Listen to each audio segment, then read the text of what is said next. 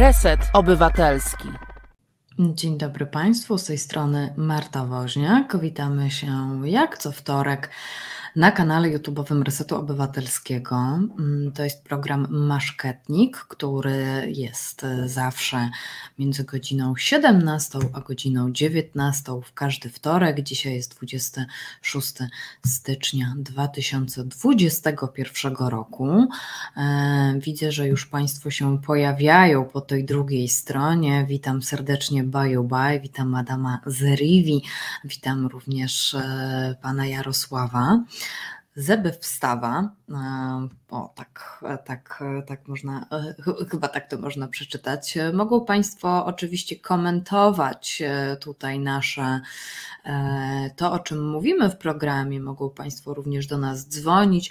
W każdym razie wiadomo, że Reset Obywatelski jest takim medium interaktywnym, bo my tutaj wsłuchujemy się w Państwa potrzeby, wsłuchujemy się w Państwa głosy, wsłuchujemy się w Państwa opinie, cenzury w Resecie Obywatelskim nie ma, a jeżeli już jest, to jest taka zwykła dziennikarska, jak to, jak to, jak to, jak to zwykle bywa. Państwo wiedzą, że obowiązuje nas ustawa o prawie prasowym, moja ulubiona zresztą i wszystkim zawsze serdecznie polecam, żeby czytać, bo wiele osób mówi, co dziennikarz powinien, a co dziennikarz nie powinien, a tutaj jednak e, ustawa o prawie prasowym wiele wyjaśnia w tej kwestii. Witam e, Jole, witam Guitar Session, witam Jacka, e, witam Hoshi Oto, Kosmatego Wilka, Mirko Milecz, no i pana Marka również i proszę Państwa, Państwo wiedzą, że od jakiegoś czasu e, tutaj Państwa przedstawiamy również na naszym e, radiowo-obywatelskim e, kanale.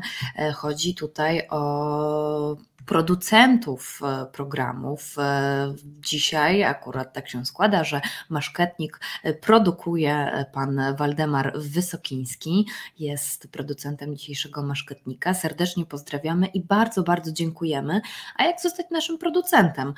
I co to właściwie oznacza? No cóż, jak Państwo wiedzą, Reset Obywatelski jest taką formą prasy, która no, wymaga jednak mm, tutaj wsparcia finansowego. E, nas nikt nie opłaca, tylko i wyłącznie państwo, więc jeżeli chcą się Państwo do tego dorzucić, e, bardzo serdecznie zachęcamy do tego. Można mm, nas, nas znaleźć i wesprzeć nas na wesprzeć nas na zrzutce Resetu Obywatelskiego. Tam są informacje podane, jak można zostać naszym producentem. E, także tam odsyłam. E, również proszę słać ten adres, ten link do swoich znajomych. Ale też przypominam o tym, że mm, cały czas zbieramy pieniądze na to, żeby wiedzą Państwo, żeby było tak wszystko na tip-top.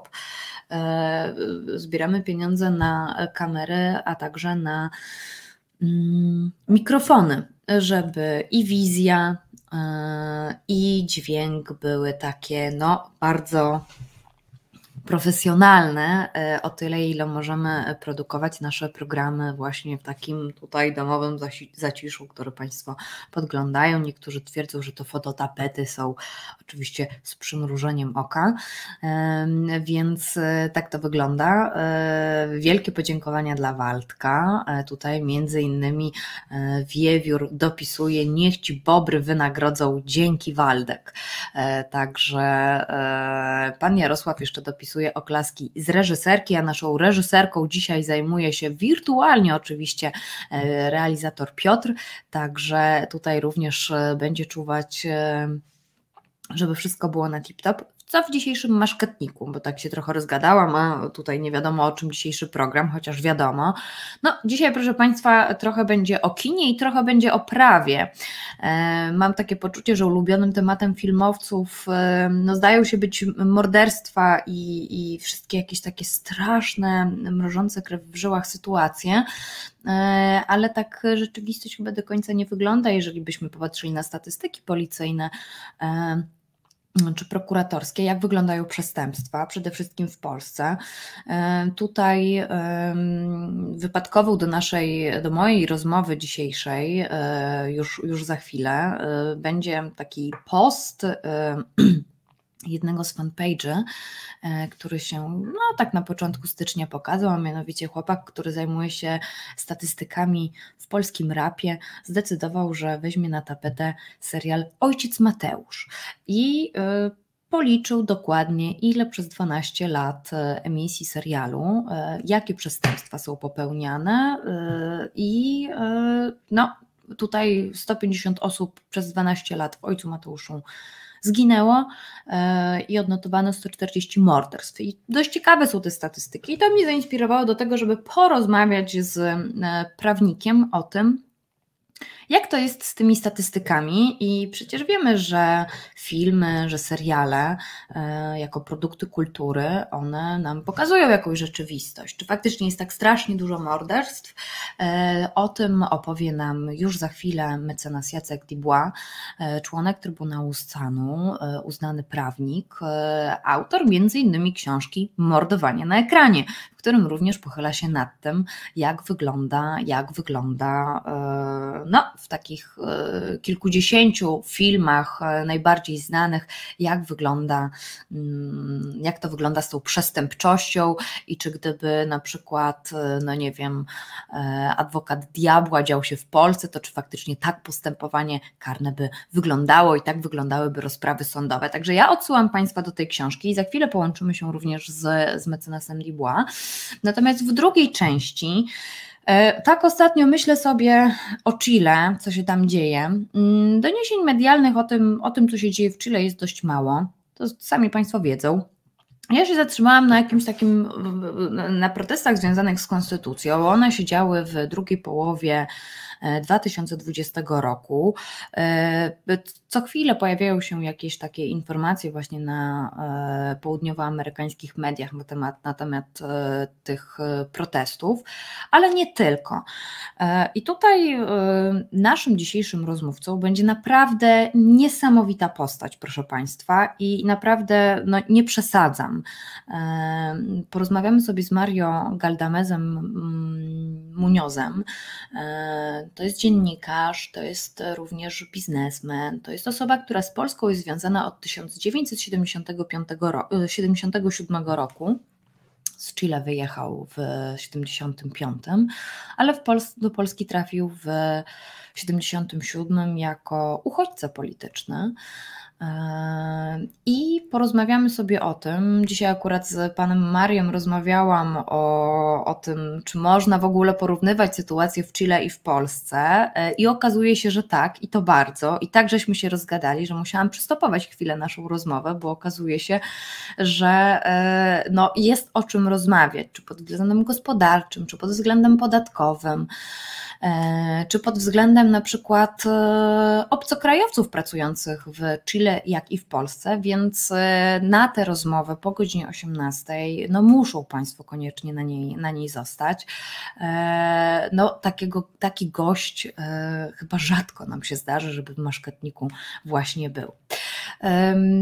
Widzę, że Państwo się tak cały czas, cały czas, cały czas zbierają. O, no i właśnie, chciałam jeszcze powiedzieć o tym, że jakby Maszketnik nie jest jeszcze jedynym programem, który dzisiaj w Resecie Obywatelskim, bo też e, zapraszam Państwa serdecznie tuż po Maszketniku, czyli na godzinę 19 na program Konrada Szołajskiego, ale również na program Karoliny Rogaskiej porówno, jak Państwo wiedzą, jest to nowość styczniowa w resecie obywatelskim i Karolina Rogaska porozmawia z Państwem o kulturze wstydu. E, takie tematy akurat są w cenie, rzadko są poruszane, a e, faktycznie warto o nich rozmawiać, ale to już więcej o godzinie 21 w programie Porówno Karoliny Rogaskiej. Natomiast e, ja już bym chciała się zorientować, Piotrze, czy jest z nami mecenas Dubois, bo yy, nie wiem. O, to skoro jest, Piotr mi tutaj daje sygnał z naszej wirtualnej reżyserki, że mecenas jest już obecny, to w takim razie e, pozwolę sobie Państwu zaprosić e, właśnie mecenasa Jacka Dubois. I yy, yy, o. Dzień dobry, witam. Witam serdecznie, mecenas Jacek Dibła, adwokat, członek Trybunału Stanu, ale również twórca, bo na koncie ma e, no, trochę książek, e, kilkanaście, między, między innymi Kto wrobił Kubusia Puchatka albo e, z Jerzym Bralczykiem Wymowa Prawnicza. No i dzisiaj temat, który raczej nas bardziej interesuje, czyli książka Mordowanie na ekranie, ale nie tylko. Panie mecenasie, mm, wyobraźmy sobie sytuację. Kończy się pandemia, jesteśmy zaszczepieni, albo no, już jest tak powoli taki powrót do normalności sprzed marca 2020 roku. Oczywiście ta normalność tutaj w cudzysłowie. Kina są otwarte, na afiszach masę tytułów. E, wybrałby pan mecenas coś takiego lekkiego, czy raczej e, ciężki kaliber z przestępstwem w tle? Wiadomo, bo gatunki bywają różne. No, wybrałbym chyba coś ciężkiego z przestępstwem tle, to znaczy najchętniej thriller sądowy. Y, to jest dziedzina, która mnie gdzieś pasjonuje, bo po pierwsze odnosi się do mojego życia zawodowego, ale daje mi taką niesamowitą przyjemność trochę intelektualną, ponieważ oglądam mm, to, co robimy jako prawnicy w torach na sali sądowej, z drugiej strony, czyli widziane oczami filmowców czy oczami publiczności, i nagle mm, widzę ten swój zawód nie tak jak dostrzegam właśnie siedząc na ławie obrończej, tylko tak jak jesteśmy odbierani przez y, ludzi spoza, a którzy chcą o tym naszym świecie opowiedzieć. No i y, te filmy są mm, bardzo ciekawe, bo niekiedy są strasznie pouczające, bo nagle widzimy się trochę w, z takim krzywym zwierciadle, często bardzo się dużo uczymy, no a czasem tylko można się śmiać, bo widzimy tyle błędów, że wiemy, że w zasadzie ta opowieść jest baśnią, a nie ma nic z, z tą rzeczywistością sądową do czynienia. No to na przykład przykład filmu, który, czy serialu, bo to bywa różnie, ale przykład filmu, który, mm, który kompletnie mija się z rzeczywistością.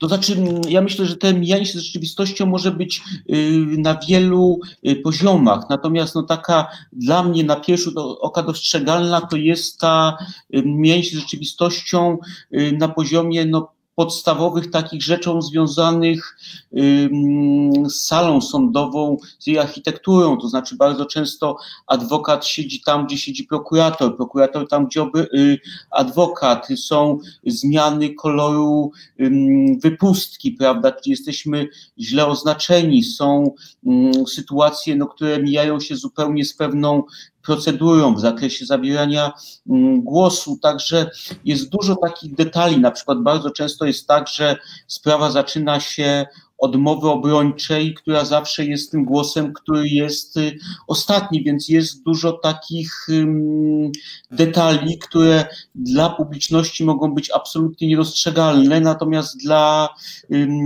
adwokata no one są bijące w oczy, więc to jest właśnie zasada, że być może jakiś specjalista ze swojej dziedzinie i to niekoniecznie musi być tylko adwokat, bo pewnie podobnie nie mają lekarze, którzy oglądają jakiś y, film o tej pomocy nagłej, o jakimś zabiegu operacyjnym, no i wpadają głowy mm, z rozpaczy, natomiast dla przeciętnego widza wszystko jest y, w normie. Ja akurat ostatnio e, jestem, e, dość, dość dużo oglądałam filmów i seriali związanych z pracą dziennikarzy. Także czasami też sobie myślę, no pewnie, my oczywiście mamy tyle czasu, żeby się poświęcać jakiejś sprawie. Także, także, także, także tutaj bywa różnie. No, zależy od zawodu, zależy od zawodu, lubimy podglądać. Ale, Ale inspiracją. Powiem, że bardzo ciężkie, ciekawe są sprawy, gdzie dziennikarz wchodzi w sferę sądu i jest mm, parę rzeczywiście wyśmienitych filmów i na przykład taki jeden z filmów, który mi y, pozostał w pamięci, to oczywiście w takich momentach człowiek zapomina tytułu, może mi się przypomni, ale film dotyczy opowieści o dziennikarzu, który sprzedaje materiały z wypadków. I to zaczyna mu przynosić coraz bardziej kolosalne pieniądze i on w pewnym momencie zaczyna prowokować zbrodnie, żeby w tym wyścigu po materiały, bo on sprzedaje nagrania z jakichś wypadków, katastrof i tak dalej i zaczyna y, prowokować te katastrofy, żeby być przy nich pierwszy. Także takie zetknięcie dziennikarstwa z prawem, no i szereg y, pytań o etykę, ale rzeczywiście doskonały, doskonały film, zresztą nagrodzony tam przed wielu laty y, też chyba kilkoma Oscarami, z tego co pamiętam. Zresztą, e, wiem, spotkają z prawnikami właśnie na tych salach sądowych i gdzieś żyjemy w symbiozie. No nie ma prawa bez opowieści o tym prawie, w związku z tym dziennikarze są tak samo stałymi gośćmi na salach sądowych, jak adwokaci na tych ławach obrończych. E, kojarzę ten film, o którym pan mecenas mówi, bo gdzieś na mojej liście on jest, ale też nie pamiętam, nie pamiętam tytułu, ale wiem, że e, mam odnotowane, że właśnie ta historia, jak e, tutaj dziennikarz sprzedaje te swoje opowieści, jest. Pojawiło się pytanie od naszego widza, ale również i redaktora Resetu Obywatelskiego, Kornela Wawrzyniaka.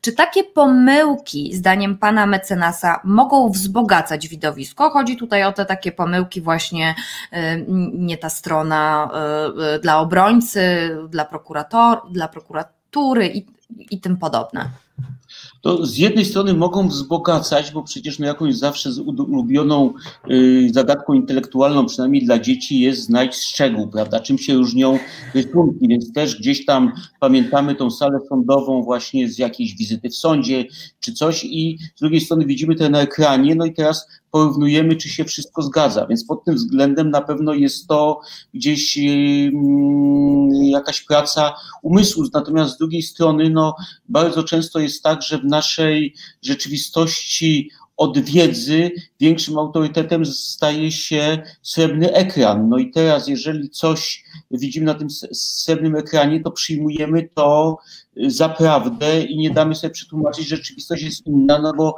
wierzymy te, temu, co gdzieś obejrzeliśmy, więc tak mm, szczerze mówiąc, no chyba oczywiście no poza filmami, które jak gdyby z założenia są pewnego rodzaju baśnią, prawda, czy książkami, no bo nikt nie będzie Kawki i jego procesu traktował jako przewodnik po wymiarze sprawiedliwości, no ale tam, gdzie odtwarzamy pewną rzeczywistość, no to w ten sposób też uczymy pewnych mm, zasad, no i warto by było, żeby w tych szczegółach się gdzieś trzymać, prawda, tych realiów. E, tutaj e, nasza Wicka z kolei podpowiada, że 12 gniewnych ludzi dla mnie najlepszy film z tych sądowych, e, więc pewnie jeszcze o ulubionych filmach porozmawiamy, ale inspiracją dla naszej... mogę coś podpowiedzieć tej pani, że tak? dużo mniej wiemy o tym, że na bazie 12 mm, gniewnych ludzi, który rzeczywiście jest genialnym filmem i taki wielki klasyk, ale też dający niesamowitą wiedzę o sądzie, o sposobie myślenia, o sposobie sposobie dochodzenia do prawdy, to jest y, film rosyjski, który się nazywa 12. I ten film 12 jest oparty o w zasadzie no, tą fabułę 12 gniewnych ludzi, ale przeniesionych warunka, warunki rosyjskie. Tam bohaterem chyba jest syn jakiegoś żołnierza ze specnazu, który też y, chyba właśnie jest oskarżony o zabicie swojego ojca, no i ława przysięgłych rozpatruje jego winę i ten film 12 gniewnych ludzi to jest taki pokaz charakterów, prawda, tych a 12 amerykańskich sprawiedliwych, którzy mają rozstrzygnąć i te przemiany, które zachodzą w nich w dochodzeniu do prawdy. I ten film 12 jest bardzo ciekawy, bo on pokazuje dla odmiany społeczeństwo mm, rosyjskie i tych 12 rosyjskich sprawiedliwych zupełnie inne typy ludzkie, in, zupełnie inny sposób myślenia, a podobna fabuła. I muszę powiedzieć, że y, wielką radość mi, y, że tak powiem, dało obejrzenie tego filmu i on jest równie wspaniały jak ten amerykański pierwowzór czyli 12 y, dla Państwa do obejrzenia w takim wypadku po dzisiejszym maszketniku. Koniecznie y, ci, którzy widzieli 12 gniewnych ludzi, to będzie taka y, dobra, jakby właśnie znajdź różnicę, jak dla dzieci. Ale inspiracją do, do naszej dzisiejszej rozmowy był post z fanpage'a Obliczanie i analizy w rapie. To jest post z 11 stycznia. Kto ciekawy, proszę zerknąć. I chłopak, który, no jak tutaj sama nazwa nazwa wskazuje, zajmuje się raczej czym innym, wziął akurat na tapetę przestępstwa, które popełniono w serialu, w serialu Ojciec Mateusz. No i przyznam, że y, to, to, była inspiracja dla mnie do tej rozmowy y, i było też dla mnie dość imponujące tak usiąść, wszystko przeanalizować, zobaczyć jakież tam przestępstwa w tym Sandomierzu się dzieją i z jaką, y, z jaką częstotliwością ale najwięcej jednak jest tych morderstw. Ja się zastanawiam, no, no mnie to dziwi, że najwięcej jest morderstw, bo na 12 lat emisji serialu w Ojcu Mateuszu odnotowano, pokazano 140 morderstw, zginęło 150 osób i no jednak chyba rzeczywistość trochę inaczej wygląda. To znaczy nie koncentrujmy się na samym Sandomierzu, ale na przykład biorąc pod uwagę, że jest, to, że jest to serial, to się wydaje, że po prostu tylko i wyłącznie morderstwa się dzieją. No tak, tylko nigdy nie mieszajmy prawdziwego życia z rzeczywistością filmową. Ja się absolutnie nie dziwię, że właśnie tych morderstw jest największych i, najwięcej to z wielu powodów. No, gdybyśmy spojrzeli na statystyki inaczej, no to byśmy mhm. zadali sobie pytanie, jakich jest najwięcej popełnianych przestępstw. No i powiedziałbym tak, że albo prowadzenie samochodów po alkoholu, albo dilerka narkotykami. No i teraz na czym ta dilerka polega? No ktoś ma kilka torebek w kieszeni, podchodzi pod szkołę, zaczyna to sprzedawać, obserwuje go agent, w pewnym momencie zostaje zatrzymany. No i jak gdyby cała filozofia takich spraw jest y, setki, tysiące, nawet dziesiątki tysięcy. No podobnie jest z tym prowadzeniem po alkoholu, no czyli zawsze jest tak, że z jakiegoś przyjęcia no ktoś albo próbuje y, wsiąść do samochodu, żeby kawałek podjechać, albo mu się nie udaje, bo mądrzejsi mu te kluczyki zabierają. No ale to jest pewnego rodzaju codzienność, z którą się stykamy. No i teraz robienie...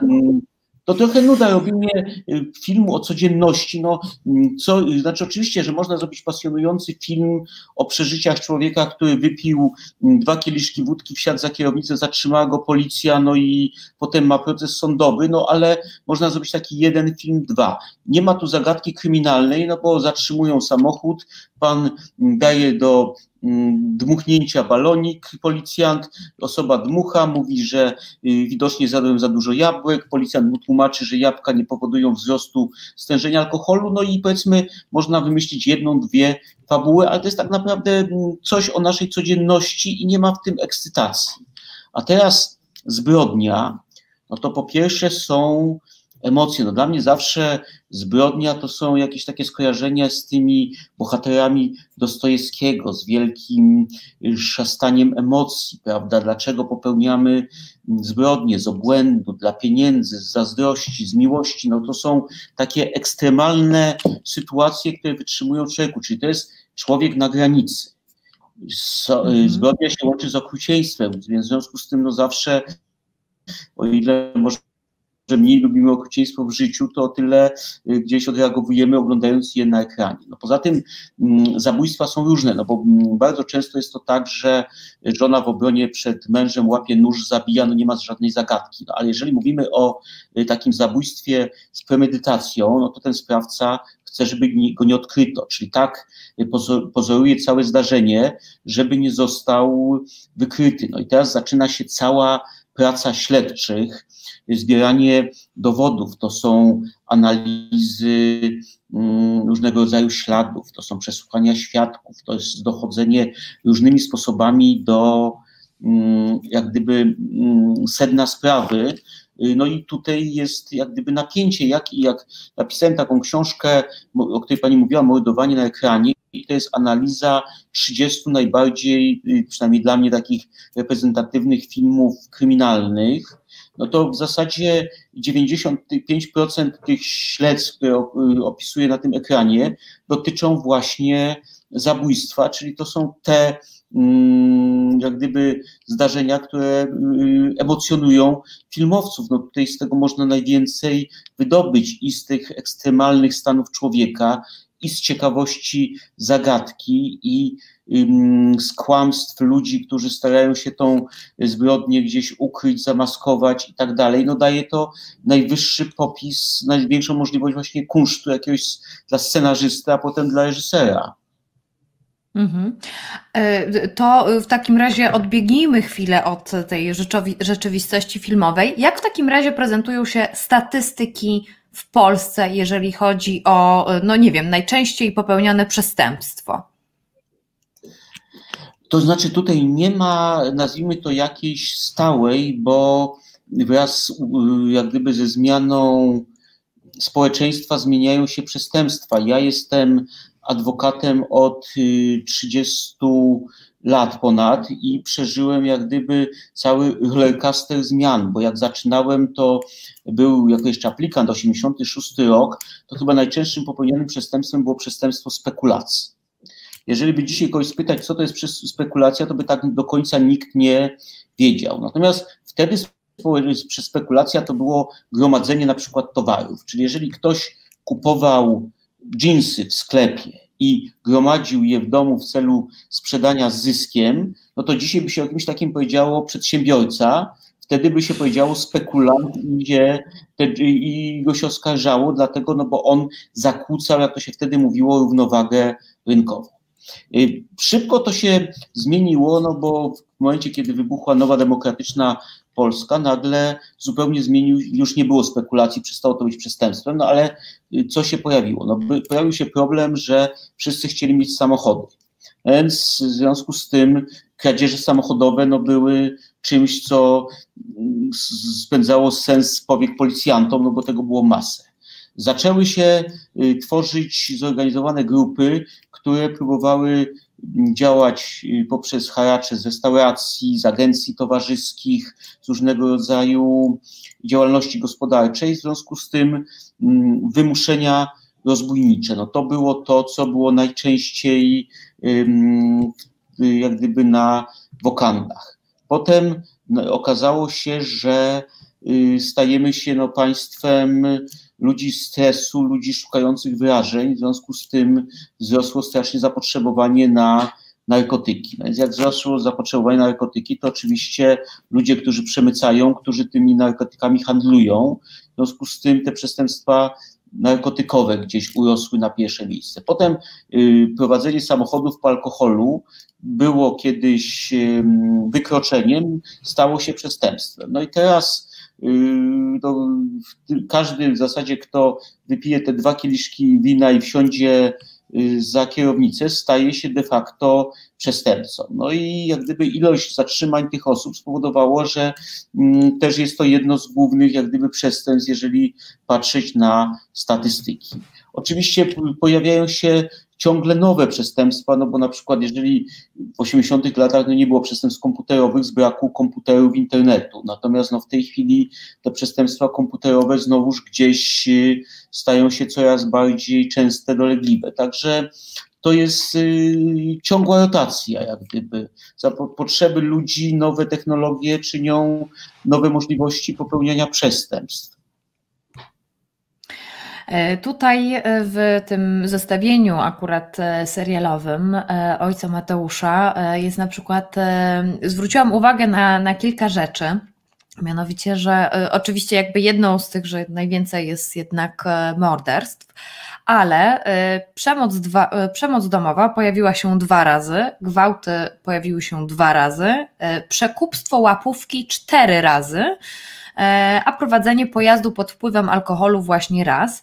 E, no i e, pamiętam, kiedy ja zaczynałam pracę w Super Expressie i czytałam depesze policyjne, to byłam porażona tym, jak nie zdawałam sobie nawet sprawy, jak często, jak często, mm, jak często właśnie są, jak często pojawiają się depesze na temat pijanych kierowców, aż w pewnym momencie miałam takie wrażenie, że no nawet w ogóle w domu człowiek nie może być bezpieczny, e, przyglądając się niektórym, niektórym sytuacjom. I ja się zastanawiam, czy właśnie to nie są tematy dla filmowców. E, jakby pan mecenas to ocenił? No, według mnie właśnie to, o czym już mówiliśmy, no to nie do końca są, no bo wyobraźmy sobie przemoc domową. No, przemoc domową polega na tym, że albo wraca do domu pijany mąż, albo pijana żona, no bo nie możemy tutaj traktować nierówności płci i tak mężczyzna może się znęcać nad kobietą, jak kobieta nad mężczyzną, no i zaczyna obrażać, używać przemocy fizycznej, psychicznej i tak dalej. No i oczywiście taki film może być ciekawy z punktu widzenia jakiegoś, powiedzmy, opisu procesu, kondycji człowieka, no ale z punktu widzenia kryminału, no to taki film y, trudno zrobić ciekawym, no bo co się dzieje? No w końcu albo ta żona y, dzwoni po policję, albo po policję dzwonią sąsiedzi, albo ona włącza dyktafon i zaczyna nagrywać. No i tutaj te działania śledcze mm, są dosyć jak gdyby ograniczone.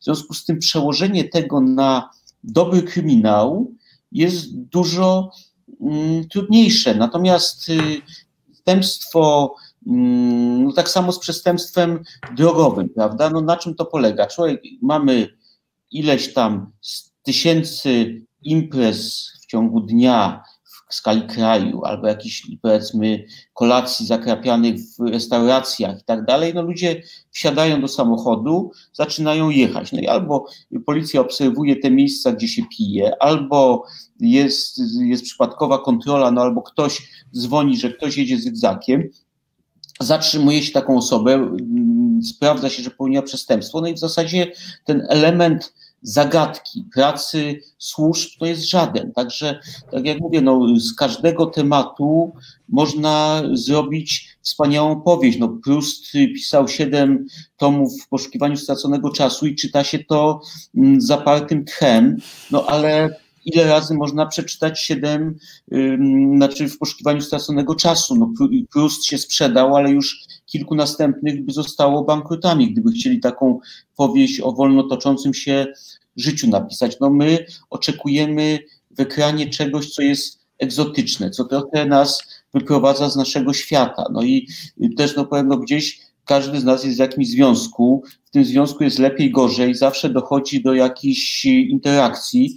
No i teraz oglądanie tego samego na ekranie jest mniej pociągające niż właśnie coś, co jest nowością, czyli świat zbrodni, no bo ile osób zetknęło się z zabójcą, ile osób świadczyło w sądzie w sprawie o zabójstwo, no to jest y, rzadkość, to jest egzotyka, no i na to patrzymy z przyjemnością. Zatem, tak jak mówiłem, raj dla scenarzysty, że można po prostu operować tymi emocjami. No, oczywiście też można powiedzieć, że kierowca, który wypił te dwa kieliszki, ma w sobie emocje, bo go zatrzymują, a on jedzie do kochanki, przyjaciółki, żony, ma jakieś tam zupełnie inne plany, się denerwuje, no ale tak jak mówię, pewne napięcie, sfera emocji, sfera tych zagadek, y, które się z tym piętrzą, no, wskazują, że zbrodnia jest bardziej tutaj tematem, na którym no, szczerze, jesteśmy w stanie przyciągnąć widza. No proszę prze, przeczytać, wyobrazić sobie, że w co jest grane, czy w jakimś innym zapowiedzi telewizyjnej piszemy sensacyjna historia siedmioletniego znęcania się męża nad żoną poprzez używanie do, w stosunku do niej słów wulgarnych, prawda? No a co innego, jeżeli przeczytamy, że tajemnicza zbrodnia gdzieś tam w Zatoce Meksykańskiej pod Palmami dokonana w jakimś tam środowisku surferów czy coś. No wiadomo, że ci surferzy i ta zbrodnia wygra w tym momencie. No, to ja może jestem trochę dziwna, to ja może jestem trochę dziwna, bo wtedy za e, właśnie na przykład za e, film, w którym jednak inaczej się podchodzi do tematu, czyli jakby sięga się po, po przestępstwo inne niż zwykle, no bo ile też znowu można tych morderstw oglądać. A sobie pomyślałam na przykład o filmie na temat, nie wiem, błędów lekarskich albo na przykład plagiatu.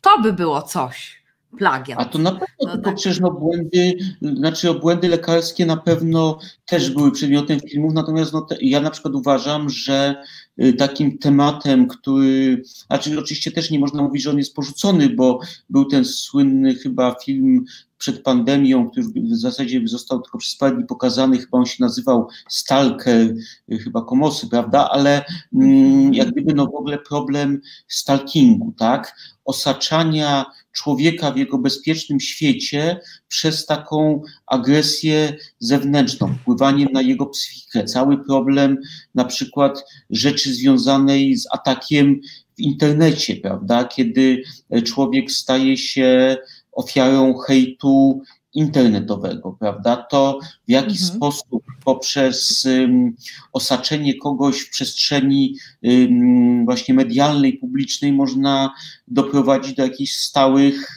znaczy wielkich problemów. Także um, tych tematów na pewno jest masę, tylko też proszę pamiętać o jednej rzeczy, że po pierwsze ktoś musi te filmy sfinansować, prawda? Producent. To więc ten producent jeżeli ma do wyboru temat, który się zawsze sprzeda, temat, który nie zawsze, no to rzadko będzie ryzykował. To jest kwestia pierwsza. Kwestia druga, mistrz zrobi na temat no taki mniej widowiskowy, zawsze świetny film.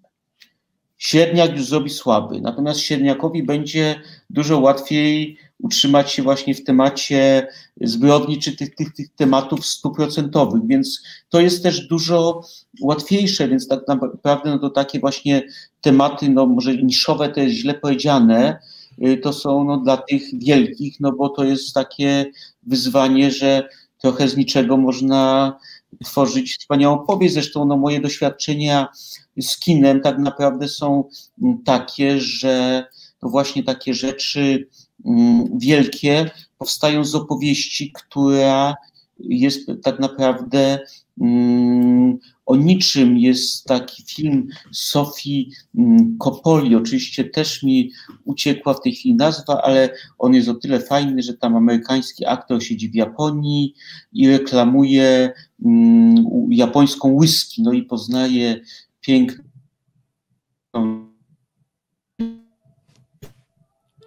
czynek w hotelu, no i opowieść w zasadzie, opowieść jest o niczym, a jest tak fascynująca, między że... słowami tutaj e, dostaję podpowiedź. Tak, tak jest, oczywiście, między słowami. Ja na przykład ten film bardzo często używam mm, w jakichś tam rozmowach y, przy uczeniu prawa, bo on jest kapitalnym pokazaniem, jak na przykład w człowieku mogą narastać emocje, relacje, kiedy nic się nie dzieje, prawda? Że ci ludzie nawet się nie dotknęli, gdzieś tam siedzą, rozmawiają i nagle ta interakcja, która między nimi się zawiązuje, ten związek jest nieprawdopodobny i w zasadzie mhm. oni są w pewnym momencie gotowi zmienić całe swoje życie, pójść ze sobą, rzucając wszystko, co mają dotychczas, mimo że nic się nie wydarzyło, że gdzieś nastrój, słowo, relacja, wymiana spojrzeń. No i mm, film można powiedzieć o niczym, a film wielki. No i takich y, tytułów można wymienić y, dziesiątki. Tak, jeden y, od razu mi się przypomina kolejny film, a też właśnie o miłości Won Carvaja, tylko teraz też nie pamiętam już tytułu. Ach, ach, ach. Jeszcze mam jedno pytanie, no bo pojawiają się również e, czarne komedie e, i przedstawianie przestępców jak, jako takich fajnych ludzi. Tutaj jest na przykład, e, możemy przytoczyć, Alfred Hitchcock przedstawia Arszenik e, i Stare Koronki, albo Jabłka Adama, czy Anioł, to jest, e, niektórzy wiedzą, jeden z moich ulubionych filmów. To jest argentyński film Luisa Ortegi o 17-letnim seryjnym mordercy. I e, on wiem, że w, no, no bo to historia prawdziwa, i ja wiem, że y, historia właśnie. Y, właśnie tego chłopaka, no, który jest już dzisiaj dorosłym mężczyzną, cały czas odsiaduje, odsiaduje dożywocie w argentyńskim więzieniu, no to widzowie byli oburzeni, że ta historia tak poważna, no, nieletni seryjny morderca, E, lata 70. Buenos Aires i e, nie można tak. Jakby się pan mecenas odniósł do czarnych komedii akurat? To znaczy, to nie są tylko komedie, ale znaczy, ja się uśmiecham dlatego, bo ja mam troszeczkę taką manię, zwłaszcza na filmach kryminalnych, że jeżeli widzę jakiś taki film akcji, to zaczynam liczyć czyny zabronione. I nagle widzę, że ten, ten, ten paragraf zostaje naruszony. I na przykład dla mnie takim śmiesznym filmem jest Prawnik z Lincolna który jest o adwokacie. No i to się zaczyna, że on wchodzi do sądu, tam tutaj daje stówę woźnemu, żeby go wpuścił poza kolejnością, tutaj oszukuje jakiegoś adwokata, żeby on mu zwolnił kolejkę, no i zaczyna tam. I teraz z punktu widzenia widza, no to mamy do czynienia z niezwykle przedsiębiorczym dżentelmenem, który dzięki swojej, nazwijmy to, zajadności i mm, szarmanckości, dowcipowi dokonuje rzeczy niemożliwych. Natomiast ja jak gdyby w jakiejś tam analizie właśnie rozłożyłem ten film na ilość wykroczeń dyscyplinarnych i karnych, który ten człowiek popełnia i nagle yy, tak naprawdę no, po podsumowaniu tego, co on w czasie tych pięciu minut robi, no to nigdy nie powinien wykonywać już Mm, zawodu adwokata. Więc rzeczywiście mm, często się dzieje, że mm, ta granica między dobrem i złem jest y, bardzo taka płynna, prawda? I teraz czy finezja człowieka, czy jego atrakcyjność, czy cel, którym działa, no jest w stanie usprawiedliwić metodę, no i w pewnym momencie, jak gdyby idąc za y, malowniczością tej postaci czy akcji, zaczynamy, przestajemy sobie zadawać pytanie halo, halo, ale przecież mamy do czynienia w brnięcie w coraz y, większą mm, zbrodnię. No i mm, rzeczywiście pod tym względem jest to gdzieś mm, szalenie, szalenie niebezpieczne, no bo bohaterami są, znaczy bohaterzy są naszymi wzorcami, prawda, no co tu dużo mówiąc, jak były te filmy z Jason Deanem, gdzie on jako ten zbuntowany chłopak się ścigał tymi samochodami, y, nad, kto bliżej hamuje przepaści, no to x ludzi postanowiło go Okropna scena.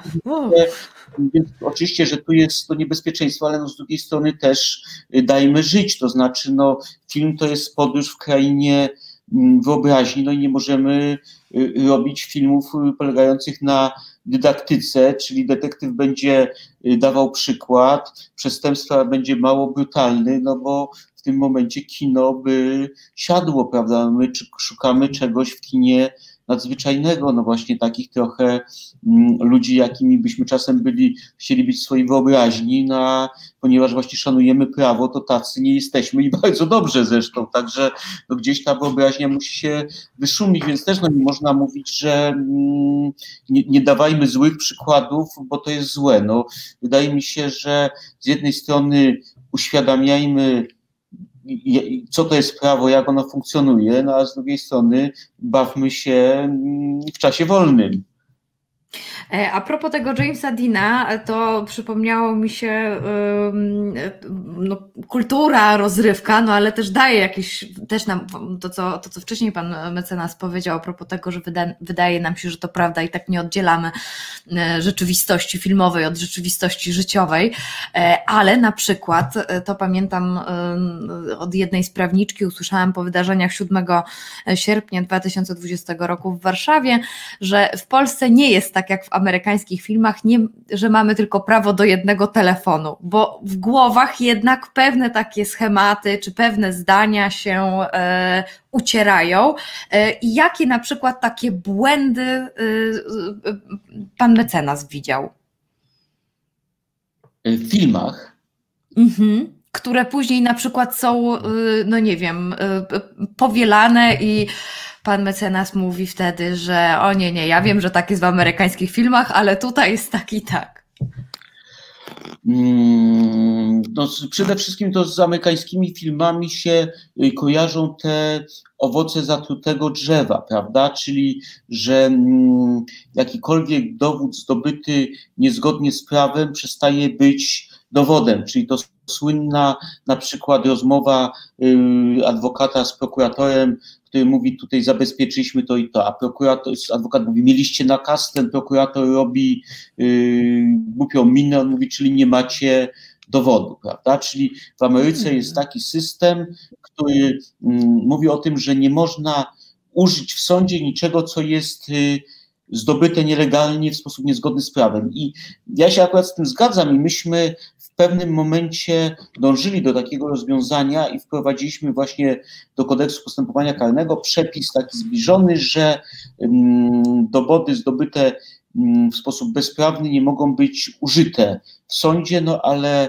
minister Ziobro uznał, że tego typu działania znacznie by ograniczały możliwości resortów, którymi kieruje, no i w związku z tym gdyby ten przepis natychmiast y, został zmieniony i ten katalog, powiedzmy, dowodów, których nie można użyć, jest dużo mniejszy. Czyli jak gdyby jest to takie trochę powiedzenie, no nawet jak naruszysz prokuraturze prawo, to i tak osiągniesz swój cel. W Ameryce jest bardzo jasno powiedziane, jeżeli zdobyłeś coś nielegalnie, nie zrobisz z tego y, użytku. I oczywiście to są też różnice między procedurami, no bo też trudno oglądać film y, z kultury anglosaskiej z punktu widzenia polskiej procedury, bo to, to się toczy mhm. inaczej. No, wydaje mi się, że tamte mm, filmy są gdzieś bliżej tych realiów y, właśnie anglosaskich czy amerykańskich, natomiast y, dalsze od realiów mm, polskich, po prostu inna, inna procedura, natomiast no gdzieś w kwestii tych praw gonimy także, no te gwarancje obywatelskie do pewnego czasu były coraz większe, no w tej chwili ulegają pomniejszeniu, no ale mam nadzieję, że ta wzrostowa wróci niebawem. E, podobno y, studenci prawa, kiedy czytają książkę pana mecenasa Mordowanie na ekranie, stwierdzają, że nie chcą się zajmować prawem karnym. To ja na sam, no, znalazłam takie opinie w internecie, e, że lekko, cudownie napisana, ale ja chyba odpadam. E, takie pojawiały się komentarze. E, natomiast ja w takim razie już takie ostatnie, ostatnie pytanie mam. Jakie w takim razie przestępstwo albo postępowanie chciałby pan mecenas zobaczyć na dużym ekranie, a które no, na pierwszy rzut oka nie wydawałoby się wcale takim taką filmową opowieścią? To znaczy, ja powiem tak, jeżeli ja coś chcę zrobić, to staram się wprowadzić to w życie i teraz z moim y, trochę młodszym kolegą piszemy właśnie scenariusz, który jest takim na bazie i jakieś wydałem taką y, książkę, która jest y, nieład, to się nazywa nieład i jest opowieścią o tym, jak prawo można wykorzystać do niegodziwych celów, czyli jak używając prawa można de facto y, czynić bezprawie, no i takich tam 15 dosyć przewrotnych historii w tej książce ująłem, no i na bazie jednej z nich właśnie mm, piszemy mm, scenariusz o stalkingu połączonej z, z pewną właśnie manipulacją procesową, czyli pokazanie jak przestępca, no, stalker poprzez znajomość prawa, poprzez manipulację, reżyserowanie pewnych sytuacji może de facto kogoś niszcząc pozostawać bezkarny. Co z tego wyjdzie, zobaczymy, ale właśnie no ten, mm, ten temat stalkerstwa jest dla mnie mm, dosyć mm, interesujący też właśnie z kilku, w kilku mm, płaszczyznach, przede wszystkim na jakiejś y, trochę i bezradności państwa, i braku zainteresowania y, tym państwu. Państwo podejmuje działania, policja podejmuje działania w takich sytuacjach ewidentnych, natomiast to jest coś, co może spotkać każdego z nas, co y, może właśnie powoli zacząć człowieka osaczać, niszczyć mu życie, stać się zupełnie przypadkowe, niezawinione i gdzieś ten temat mnie mm, zafascynował. Innym takim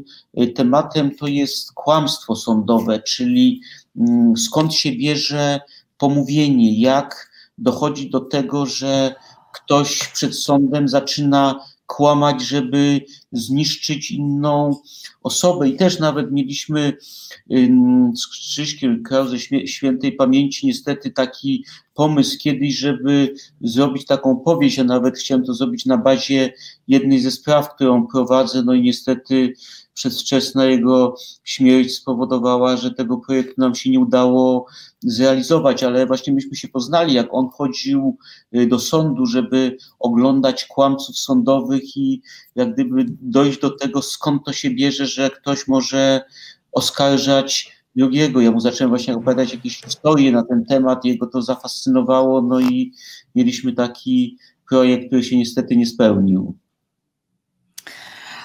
Ale w takim wypadku y, życzę powodzenia ze scenariuszem. Pisanie scenariusza jest bardzo trudną sztuką i wydaje mi się niedocenianą. Myślę, że często oglądając filmy, że ach, scenariusz, scenariusz, ktoś tutaj się wypowiada, a sama pisałam scenariusz do swojego podcastu, kryminalnego swoją drogą, no i też było morderstwo też było morderstwo, przyznaję się bez bicia.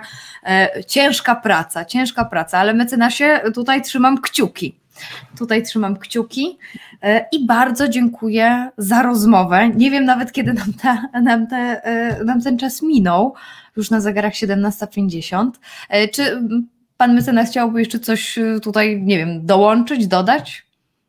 No co mogę dołączyć? Przecież wszyscy wiemy, że oglądanie filmów kryminalnych jest wspaniałą zabawą, więc do tego nie trzeba zachęcać. Natomiast właśnie jeszcze większą zabawą jest oglądanie ich w sposób krytyczny, czyli analiza i troszeczkę takie powiedzenie, czy scenarzyście, czy reżyserowi sprawdzam i y, takie właśnie kontrolowanie, czy te wątki rzeczywiście się łączą, czy coś, co z tego wynika, bo to jest tak, że na pierwszy rzut oka film jest bez zarzutu, natomiast jak zaczynamy go oglądać uważniej, analizować, to się mm, pojawiają dziury. I właśnie ja często w tej mojej książce, jak pierwszy raz zobaczyłem film i się podobał, musiałem go zobaczyć dwa, trzy razy, żeby zrobić notatki. Jak zaczynałem o tym filmie pisać, to nagle mi się zaczęło to wszystko mm, rozchodzić i zaczynałem wyłapywać właśnie te, te pewne nieścisłości, że to niemożliwe, żeby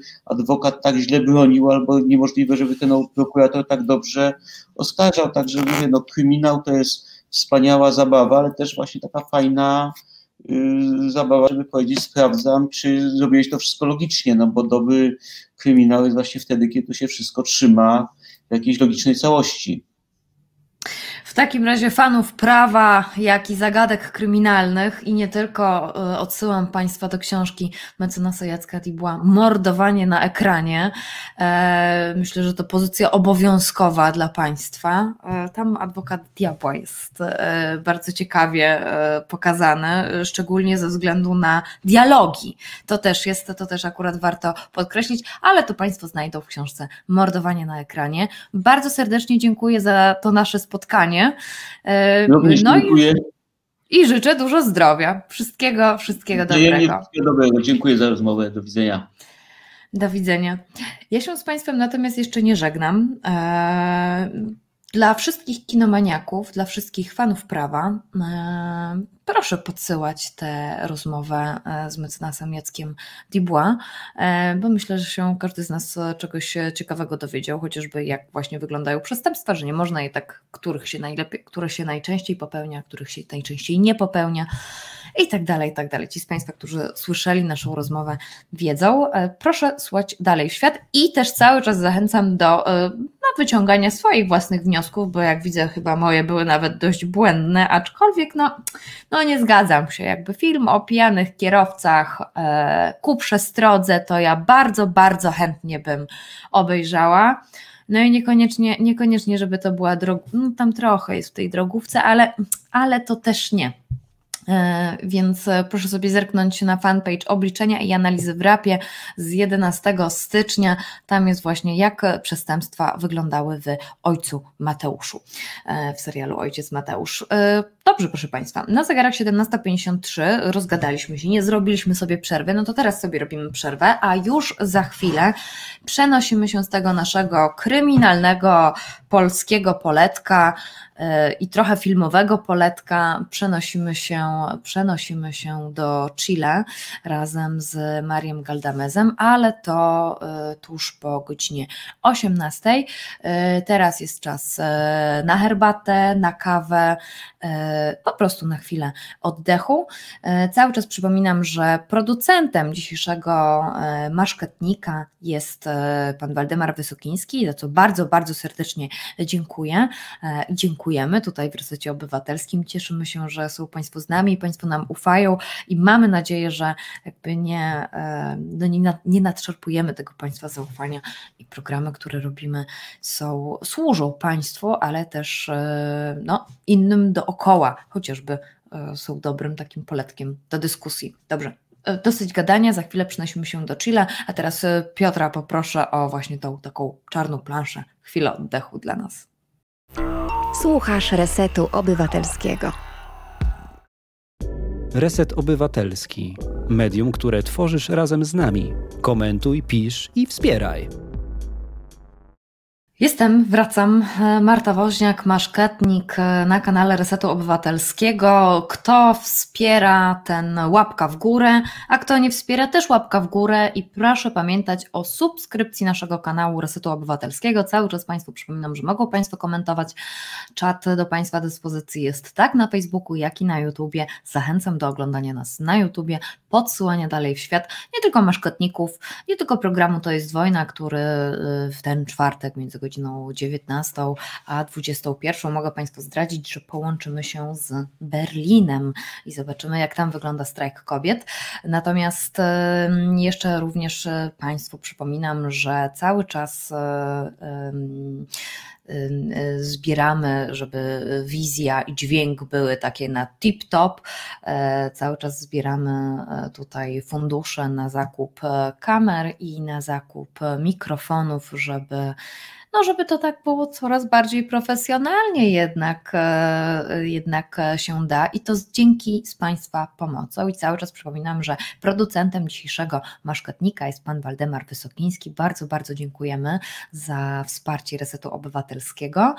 Mm, I jeszcze się odwołam do tego, co, o czym przed chwilą rozmawialiśmy. Aha, no i był chuligan miłości, tutaj idealne od Sęgrze muzyka do naszej rozmowy z mecenasem Dubois na temat przestępstw, więc no, my jesteśmy absolutnie za miłością.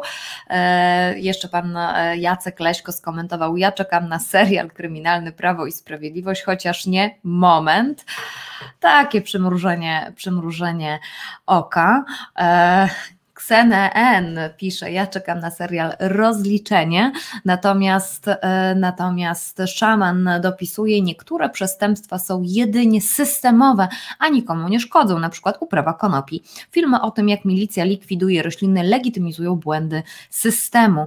E, takie są Państwa komentarze, a Piotr, e, realizator, który dzisiaj na Heblach, naszym, naszej wirtualnej reżyserce, daje znać, że jest świetny film o jeździe po alkoholu, to Supernowa, świetny polski debiut z zeszłego roku, więc w takim wypadku muszę, muszę to zweryfikować i odwołuję, że nie ma takich filmów. No dobrze, no to, no to w takim razie przenosimy się w tej chwili do Chile, proszę Państwa. Moim i Państwa Moim Państwa gościem, e, aha, jeszcze, jeszcze e, Mario Galdameza e, nie ma, ale jest tylko, że bez e, kamery. E, tutaj mi Piotr podpowiada. No to, no to, no to, no to cóż my, my możemy z tym, z tym zrobić? O, już możemy się połączyć w takim wypadku. Mario Galdames, witam, witam serdecznie. Witam Mario Galdames. Mario Galdames, nauczyciel języka hiszpańskiego, wykładowca, dziennikarz, przedsiębiorca związany z Fairtrade, e, ale również uchodźca polityczny z Chile, e, bo tutaj e, historia jest taka, o której pewnie sobie, o której sobie pewnie jeszcze powiemy, związana oczywiście z reżimem Augusto Pinocheta, i Mario Galdames związał się z Polską dokładnie od 1977 roku e, i porównań między Polską a Chile dzisiaj zdecydowanie, zdecydowanie nie zabraknie. No, może zacznijmy od tego, że podobnie jak w całej reszcie, no pod każdą szerokością geograficzną właściwie, zeszły rok, ubiegły rok, ten 2020, był trudny, był ciężki. I, ale w Chile protesty zaczęły się w 2019 roku, w październiku. Czy Pani Mario, czy mógłby Pan przypomnieć, czego właściwie dotyczyły te protesty, jak one się przekształciły? Bo, chodzi, bo przecież nie chodziło tylko o podwyżkę cen biletów na komunikację miejską. Tak. Y, 30 groszy, można tak, 30 centów e, podrożało. Mia, miało być podro, te, e, podróżywać e, bilety na metro. Mhm. Co e, spowodowało właśnie protesty z strony szczególnie uczniów i studentów. Wiadomo, uczniowie zawsze prawda, mają problemy finansowe, studenci również, dla nich to 30 centów to jest sporo było. I oni y, po prostu protestowali w ten sposób, że y, masowo postanowili jechać na gapę. Po prostu normalnie. Wyskoczyć przez tą barierkę, Mhm. zajmować te i jechać. No, policja reagowała gwałtownie. I właśnie przez to, że policja reagowała tak gwałtownie, zaczęło się właśnie ten proces, y, o który trwa do tej pory. Czyli nie tylko uczniowie, nie tylko studenci, ale po prostu nastąpił taki wybuch społeczny. Dlatego, nie dlatego, że 30 groszy mm, podrożała, ale dlatego, że to była ta kropla, która po prostu e, Wydrążyła tę skałę. Tak jest. I o co chodzi? Chodzi o to, że to było 30 lat. Takie hasła powiedziałem, to nie chodzi o 30 groszy, chodzi o 30 lat. 30 lat y, y, takiego bardzo skrajnego neoliberalizmu w gospodarce. Mhm. E, A więc e, bolączki społeczeństwa były po prostu naprawdę duże. Tylko, że nie było sposobu, nie było jak, nie było okazji, nie było momentu, żeby to jakoś mm, zamanifestować. A więc e, ruch studencki w Chile ma pewne tradycje, nawet uczniowski ruch.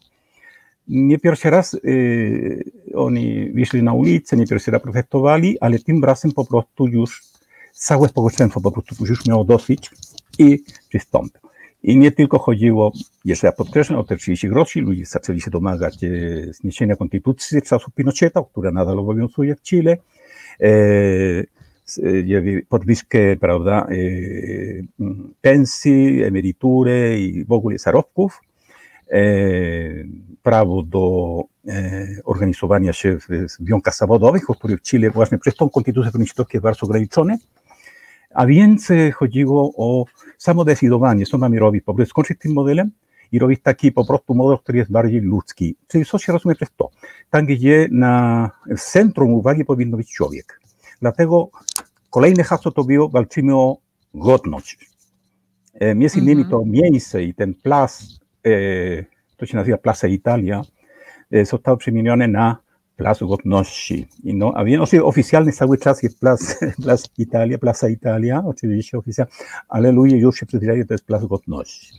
To znamy po prostu z relacji, bo zawsze co piątek tam ludzie się zbierają i to niezależnie od tego, jakiej skali represji, a represje naprawdę niestety są bardzo ostre. Wiemy z telewizji, wiemy z mediów, gdzie tam po prostu tysiące ofiar było w sensie takiej, że stracili albo jedno oko, albo w ogóle e, wis- e, te wzroku, przez to, że policja strzelała do twarz te kulki takie gumowe czy tam e, metalowe. Wielki dramat. Chile naprawdę od czasu dyktatury nie miało takiego, takiej skali, skali represji. Aresztowano ludzi, więcej do tej pory siedzi w więzieniach bez żadnego procesu. Ponad tysiąc takich e, e, ogół młodych ludzi, którzy uczestniczyli w tych manifestacjach.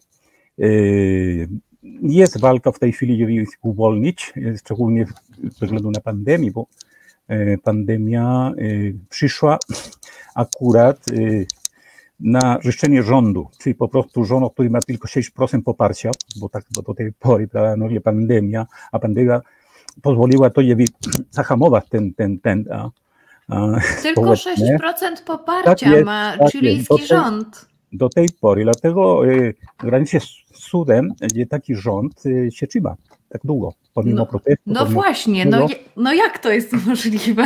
Jak to możliwe? Dlatego, że można to rozumieć tak, y, w ten sposób. Y, Po pierwsze, u nas y, klasa rządząca, a więc y, istnieje pojęcie klas, y, y, klasa polityczna w Chile, to samo w innych państwach, nawet w Polsce. Klasa polityczna to jest jakby klasa w sobie, klasa składa się z polityków po prostu i mają Mhm. wspólny interes, niezależnie od tego, czy są z lewicy, czy z prawicy. Po prostu mają wspólny interes. I, i rządzą i żyją i, i, mogą nastąpić zmiany tam, raz należy do tej organizacji, jutro do tego i stąd będzie przy władzy. Wobec tego powstaje taka klika, taka elita uprzywilejowana, składająca się szczególnie z polityków, którzy są na usługach naturalnie wielkiego kapitału, szczególnie wielkiego kapitału. I oni po prostu traktują to jako sposób na życie, jako profesja i tak dalej.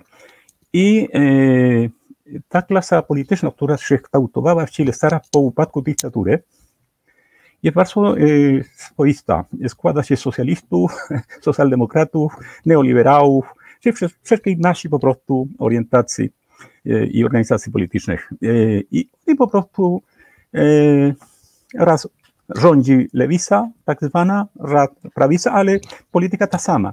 Czyli po prostu mhm. ten model neoliberalny i ten, ten sposób rządzenia, czyli demokracja na niwie. Bo tak naprawdę na dole ludzie nie mają większego wpływu na to. Mówię, są ograniczone prawa wyjątkowe, partie polityczne, które nie mają jakiegoś procenta, na przykład w wyborach, zostają po prostu pozbawione możliwości działania. Jest cenzura w sensie, że media są zmonopolizowane przez trzy, trzy, trzy wielkie koncerny i naturalnie są związane z tym. Wobec tego ta klasa jest bardzo silna. A więc, mhm. jeśli mają nawet 6% poparcia i tak się trzymają. Dlaczego? Dlatego, że oni mają media, a po drugie mają wojsko. Trzeba o tym pamiętać. Kiedy zaczęły się te rozruchy, zaraz w pierwszym tygodniu, to było nie do panowania, pierwsze co robiło rząd, to po prostu jest tam wyjątkowe i wojsko na ulicy. Mhm. Dla wielu Chilijczyków to był szok, dlatego że jeszcze pamiętamy y, lata dyktatury, gdzie wojsko były no, wszędzie brutalne. I tym razem znowu to wojsko jeszcze w dodatku prezydent publicznie powiedział, że jesteśmy w stanie wojny z jakimś tam bardzo niebezpiecznym wrogiem. No a to, kto jest według Sebastiana Piniery tym wrogiem? No, wróg, czyli oni rozumieli, że po prostu wróg zawsze musi być albo kosmici, bo tak się mówi, zawiartowali, to nawet kosmici mogą być, no nie, i to tak, to nie, to tak się śmieje, ale tak naprawdę pojawi się memy i różne takie, takie. Dlaczego? Dlatego, że pierwsza dama, czyli żona tego prezydenta, e, powiedziała w rozmowie z jakąś stanie znajomą, po prostu ta rozmowa została e, nagrana, jakoś tam, nie wiem, jakich hakerzy, jakich się dostali, i tam ona właśnie mówi, że ci protestanci, którzy protestują, wyglądają jak, na kos, jak z kosmosu, jak są kosmici, ona po prostu się mhm. boi, nie wie. Jest to właśnie te żarty, że no to kosmici po prostu się pojawili, oni są głównym tam a, winowajcą. Ale e, różne były takie bardzo poważne argumenty, że to jest moje Wenezuela, je Maduro, jakiś mhm. komplot, i tak dalej, i tak dalej. To argument Maduro pojawia się bardzo często w tych krajach latinoamerykańskich. Nawet teraz, jak był kryzys w Stanach Zjednoczonych, też mówili, że Maduro może coś tam. Czyli Maduro jest bardzo silny. No, ma niesamowity wpływ w ogóle na międzynarodową politykę albo w poszczególnych krajach. Ale takie argumenty się pojawiły. To prawdopodobnie to, to, to Maduro. Mhm. Kiedyś to Fidel Castro, a teraz Maduro. A więc, no i tak to zawsze będą jakiś wrogowie nam drodze. Ale tak naprawdę yy, Pinira miał jasny, tak jasny, oczywisty, gdzie ten wróg to jest ten własny naród. Ten naród, który mm -hmm. przez dekady był pozbawiony praw. Po prostu naprawdę dosłownie pozbawiony praw. To znaczy, yy, no, yy, po pierwsze, zaczynamy od tego, że yy, na przykład yy, yy, w Chile jest bardzo specyficzny. Jest bezrobocie więcej niż w Polsce, zdecydowanie. Czasami jest około 10%, 10%. Ale uwaga, tam jest jeszcze większa liczba, bo znaczy istnieje spora część społeczeństwa, które żyje w nieformalnych relacjach. To nie są mm -hmm. nawet umowy niesiowe, nie, po prostu ludzie jakoś kombinują, jest na czarno. Spora mm -hmm. część, nie zostaje zarejestrowana nigdzie po prostu. I to jest cała armia ludzi. A więc zacznę od tego, czyli od takiego powstałego prawa do pracy, który jest tam pogwałcony przez umowy mieszowe albo w ogóle ograniczenie możliwości zatrudnienia normalnie, w normalnych warunkach, to jeszcze, prawda, mamy e, ten, ten problem, że ludzie muszą e, wiązać e, koniec końca. Tak, no, każdy kombinuje. A mhm. więc to, ta patologia między innymi powoduje oprócz tego niepewność życiowa, czyli nie wiem, no, ludzie nie zakładają rodziny, bo to nie wiedzą co i jak, Albo jeszcze kolejna patologia, po prostu młodzież szczególnie, która nie ma pracy i nie ma możliwości e, u, u, uciekać z kraju, uciek, u, tego, emigrować, jak to bywa czasami w Europie, na przykład Hiszpanii tutaj do Polski, czy z Polski do Anglii, tu ta młodzież albo wegetuje i jest bardzo taki przydatny materiał, żeby zwiększać armię mafii. W Chile mafia jest niestety bardzo silna. Tego zjawiska mm, nie było mm, kiedyś. Teraz jest. O, proszę. Aha. Tak jest. Są miejsca, są regiony, są dzielnice, gdzie w ogóle rządzi mafia, czyli nawet policja tam nie wchodzi. I oni dyktują i, i ustalają co i jak. I rekrutują, szczególnie wśród młodych. Czyli my mamy takie, mamy takie patologie. Mhm. Mhm. Takie patologie. Patologie z tego jest, z czego trzeba żyć. A bardzo dochodowy interes to jest między innymi koka, czy tam narkotyki i tak dalej, i tak dalej. Są takie, są, są takie. Ja byłem w Chile parę lat temu i, i nagle słyszę jakiś strzał. Ja myślałem, że to święto jakieś, prawda, jakieś fajerwerki, tak. I nie, mówili, nie, nie, to, to jest po prostu, ten, są fajerwerki, ale to też są normalne strzały z karabiny maszynowej, czy tak, tak, w nocy, dlatego to jest sygnał od mafii, gdzie, dalej, gdzie już towar, towar przy, przyjechał towar. A, czyli, czyli myśli się, że fajerwerki, a tutaj mafia sobie daje sygnały. Tak, ale ja w takim... No, wszyscy, wszyscy wiedzą, ale nikt nic nie robi. Policja nic nie robi, państwo nic nie robi. Po prostu jest a proszę w takim razie powiedzieć, bo a propos, a propos różnych pomysłów z mm, Chile, E, to, e, to jak tak śledziłam jeszcze w zeszłym roku dość mocno, jak różne kraje sobie radzą z tą taką sytuacją pandemiczną, to w Chile na przykład był taki, był taki pomysł, żeby były, mm, żeby były takie, ja nie wiem, coś ala, nazwijmy to paszportami, e, takie dokumenty, że na przykład ktoś e, przeszedł COVID e, i tak dalej, i tak dalej. Oczywiście to się spotkało z jakąś ogromną krytyką, ale mamy pandemię, ludzie tracą pracę, służba zdrowia jest, no w każdym kraju okazuje się, że jest po prostu no, no, no niewydolna, ale Chilijczycy wychodzą, czyli Chiliki, Chilijczycy wychodzą na ulicę, i skandują o zmianę konstytucji. E, hmm. Czy moglibyś, czy, czy, czy, mógłby Pan opowiedzieć, jak wygląda ta konstytucja, która jakby cały czas e, funkcjonowała po Pinochecie i jakich zmian chcą mieszkańcy, jeżeli chodzi o, o, o, o, samą, o samą konstytucję? Mhm. Właściwie e, podczas protestów był taki program, prawda, reivindykacyjny. Chodziło o po pierwsze demokratyzację państwa, czyli o większy udział po prostu ludzi e, w władaniu e, państwem. E, przynajmniej żeby być wysłuchany, żeby tu przynajmniej mm -hmm. liczyła z opinią, z opinią społeczeństwa. To raz. Druga sprawa była tak, jak powiedziałem, prawda, wolność związkowa, możliwość organizowania polityczne z większym rozmachem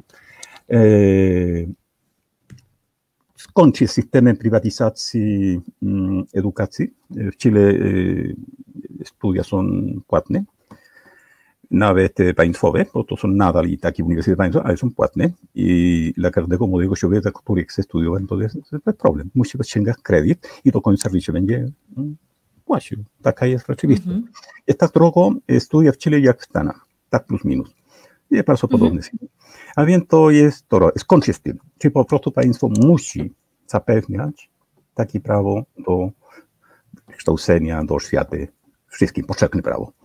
Czyli żeby ta edukacja była na wysokim poziomie i finansowana przez państwo w całości.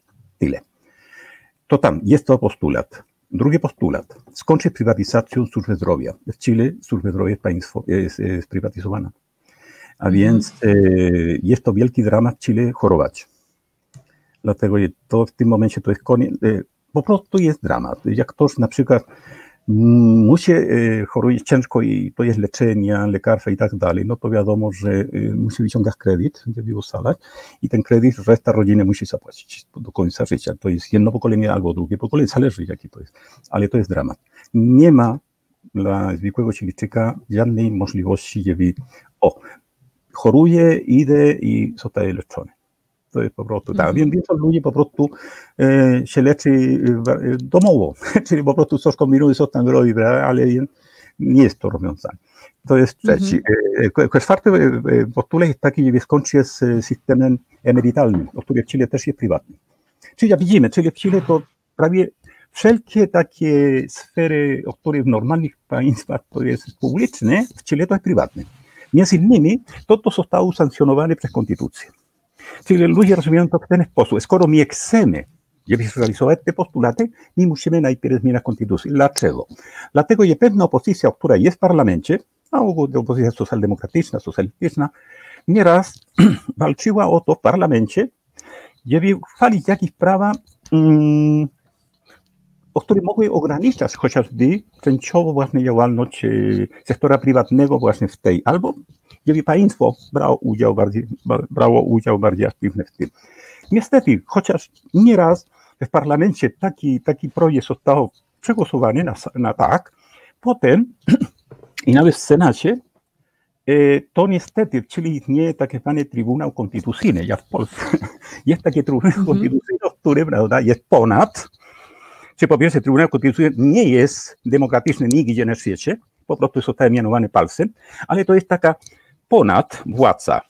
I oni mądrali, wiedzą, co jest dobre, co jest nie. I oni ustalają, prawda, że ta, e, ta, ten projekt jest niekonstytucyjny, bo na konstytucji jest napisane, że tak naprawdę te działalności e, leżą w e, prywatnej inicjatywy. Jeśli my taką ustawę chcemy, no to po prostu ograniczamy możliwości a, dla sektora prywatnego. Wobec tego do kosza. Bo mamy ten problem, czyli ludzie rozumieli, najpierw musimy zmieniać tą konstytucję, żeby dopiero wtedy wprowadza jakiś taki porządek. Z szansą, że w wyniku konstytucji będą inne, inne porządki konstytucyjne, parlament będzie bardziej demokratyczny, bardziej reprezentacyjny i bez takiego, takiego a, mm, Trybunału Konstytucyjnego, który prawda, ostatecznie y, jest, w tej strukturze konstytucyjnej zawsze Trybunał Konstytucyjny odgrywa tą rolę ostatecznej i tak. W Polsce jest podobne, mm -hmm. proszę sobie uwagać. W Polsce podobna sytuacja. Tak, tak. Po, po nic tego, po co ten parlament wobec tego. A więc mm -hmm. to jest tak, niestety. I dlatego właśnie ten postulat, żeby skończyć tą konstytucją Pinocheta. Bo ja mówiłem, konstytucja usankcjonuje, konstytucja Pinochet, y, Pinocheta, tak się mówi, Pinocheta, bo to mm -hmm. tak się mówi, e, została uchwalona w 80 roku, czyli to jest e, 7 lat po, po, po, po, po, po dyktaturze, po, po zamachu stanu. I e, ta konstytucja zarówno w formie i w, w treści jest nielegalna.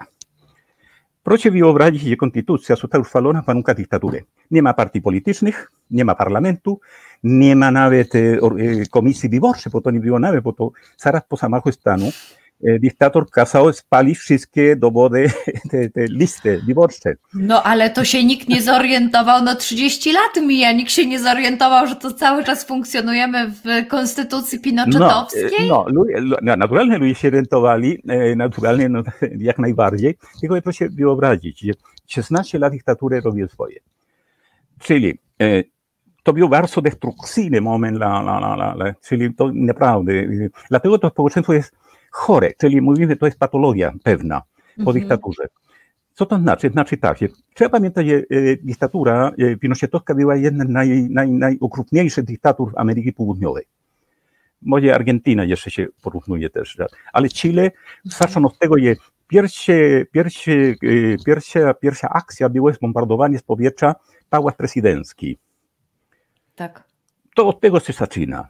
Pierwsze, co takiego, prawda? Proszę wyobrazić sobie, tutaj w Polsce nagle samoloty latają i bombardują tutaj polskim samolotem. Nie mówię niemiecki, bo to niemiecki już był, ale to własny bombarduje, bo jest mały prezydent. I co takiego zaczyna się. I od tego momentu zaczyna polowanie na sierotnic. E, masa represorowanych e, e, sympatyków rządu Allende zmusza spora grupa ucieka z kraju. Podobno w pierwszych latach po dyktaturze ponad milion Chilijczyków musiało z tego kraju się wydostać, różnie tam po, po. A więc to jest raz, a po drugie masa aresztowań, aresztowanych, obozy koncentracyjne, stadion narodowy przekształcony przez jakiś czas, czyli to znamy, znamy z historii, znamy z filmów, znamy z dokumentów i, i tak dalej, i tak dalej. A, więc a pana rodzina też dotknęła, pana, pana rodzina, pana ojca również dotknął tutaj. E, tak, niestety, niestety. Tak, ja sądzę, że w Chile no, każda, każda, każda rodzina chyba ma e, jakieś tam jaką ofiarę w tym, no, to, to, topnęło to, w jakim, w jakim stopniu. W moim przypadku, w przypadku mojej rodziny, niestety to w najgorszej e, wersji, czyli mój tata został aresztowany mm, w 1974 roku, czyli prawie rok po zamachu. I niestety on został zatrzymany przez e, tajną policję, która zaczęła działać zaraz po dyktaturze. DINA, tak się nazywa, DINA, Dirección de Inteligencia Nacional. E, tajna policja, mm, mówi się, to jest taka gestapo, chiliska. I, a, I metoda e, była wtedy aresztowanie, porwanie i w ogóle nie ma człowieka. Nie tylko w Chile, w Argentynie wiem podobną sytuację, we wszystkich tych krajach, ale w Chile też zaczęto tak robić. Jako metoda. Metoda po prostu nie ma, nie ma człowieka. I e, w ten sposób mój tata został aresztowany i do tej pory naturalnie już e, no, nie wiemy, chociaż no, e, my szukamy, walczymy, prawda, o prawdę i tak dalej, i tak dalej. To, ale to już ile, no 40 lat więcej nawet. Na pewno nie żyje, to na pewno, tylko że nie znamy prawdy, nie wiemy, nie wiemy, gdzie jest ciało nie, też, prawda? Nikt nie wiem. I tak mój tata w ciele to jest ponad 2000 ludzi, którzy są w tej sytuacji, którzy wiemy. Czasami są, nie tak zwana archeologia, archeologia taka hmm, polityczna, mm -hmm. szukamy po prostu, historyczna szukamy po prostu i są czasami, się trafią czasami. Problem polega na tym, że jeśli o pracę, czyli cała armia i y, wojsko i tak, oni mają pakt milczenia, czyli oni po prostu mm, nie są i nie, nie, nie, nie są po prostu zdolni do, do, do, do, do chociażby powiedzieć. Nie, oni, oni są przekonani, że dobrze robili, walczyli z komuną, bo to takie było to hasło, my walczymy z komuną, z marksizmem i tak dalej, i tak dalej. A tak naprawdę walczyli z narodem, własnym narodem, który w tamtych latach próbował jakoś zmieniać ten, ten, ten pas nieszczęścia, który Chile, prawda, bo Chile trzeba pamiętać, jest to ma, ma, maleńki kraj, należy do trzeciego świata, jego gospodarka jest peryferyjna, a więc to jesteśmy -hmm. uzależnione w wielkich centrach gospodarczych, w przypadku Chile najpierw od Anglii, potem ze Stanów. Jest to kraj, w którym panuje monokultura, bo Chile żyje z, z Mitwa, a więc to miedzi, to główny producent, a te kopalnie nie są chilijskie, są amerykańskie na przykład. A więc to jest, to jest ten dramat. I ten dramat naturalnie e, powodowało i powoduje, prawda, spora część Chili, Chilijczyków, choć żyje w bardzo bogatym kraju, żyje -hmm. w mhm. biedzie. Taka jest ta prawda. Tak. Wobec tego trzeba było to zmieniać. Jako były starania, były próby. W 70 roku ludzie wybrali e, taki rząd tak zwany ludowy i zaczę, zaczę, zaczęły się pewne reformy, zmiany, nacjonalizacja kopalni, reforma rolna, szkolnictwo prawda, powszechne dla wszystkich. No naturalnie to się nie spodoba Amerykanom, a Amerykanie jak się denerwują, to wiadomo, trzeba się, się trzeba się przyjmował bardzo. Mhm. Pisował to tak. I oni oczywiście e, zorganizowali, prowokowali, zorganizowali, finansowali ten zamach stanu. Nie tylko w Chile. My znamy, jaka jest i polityka.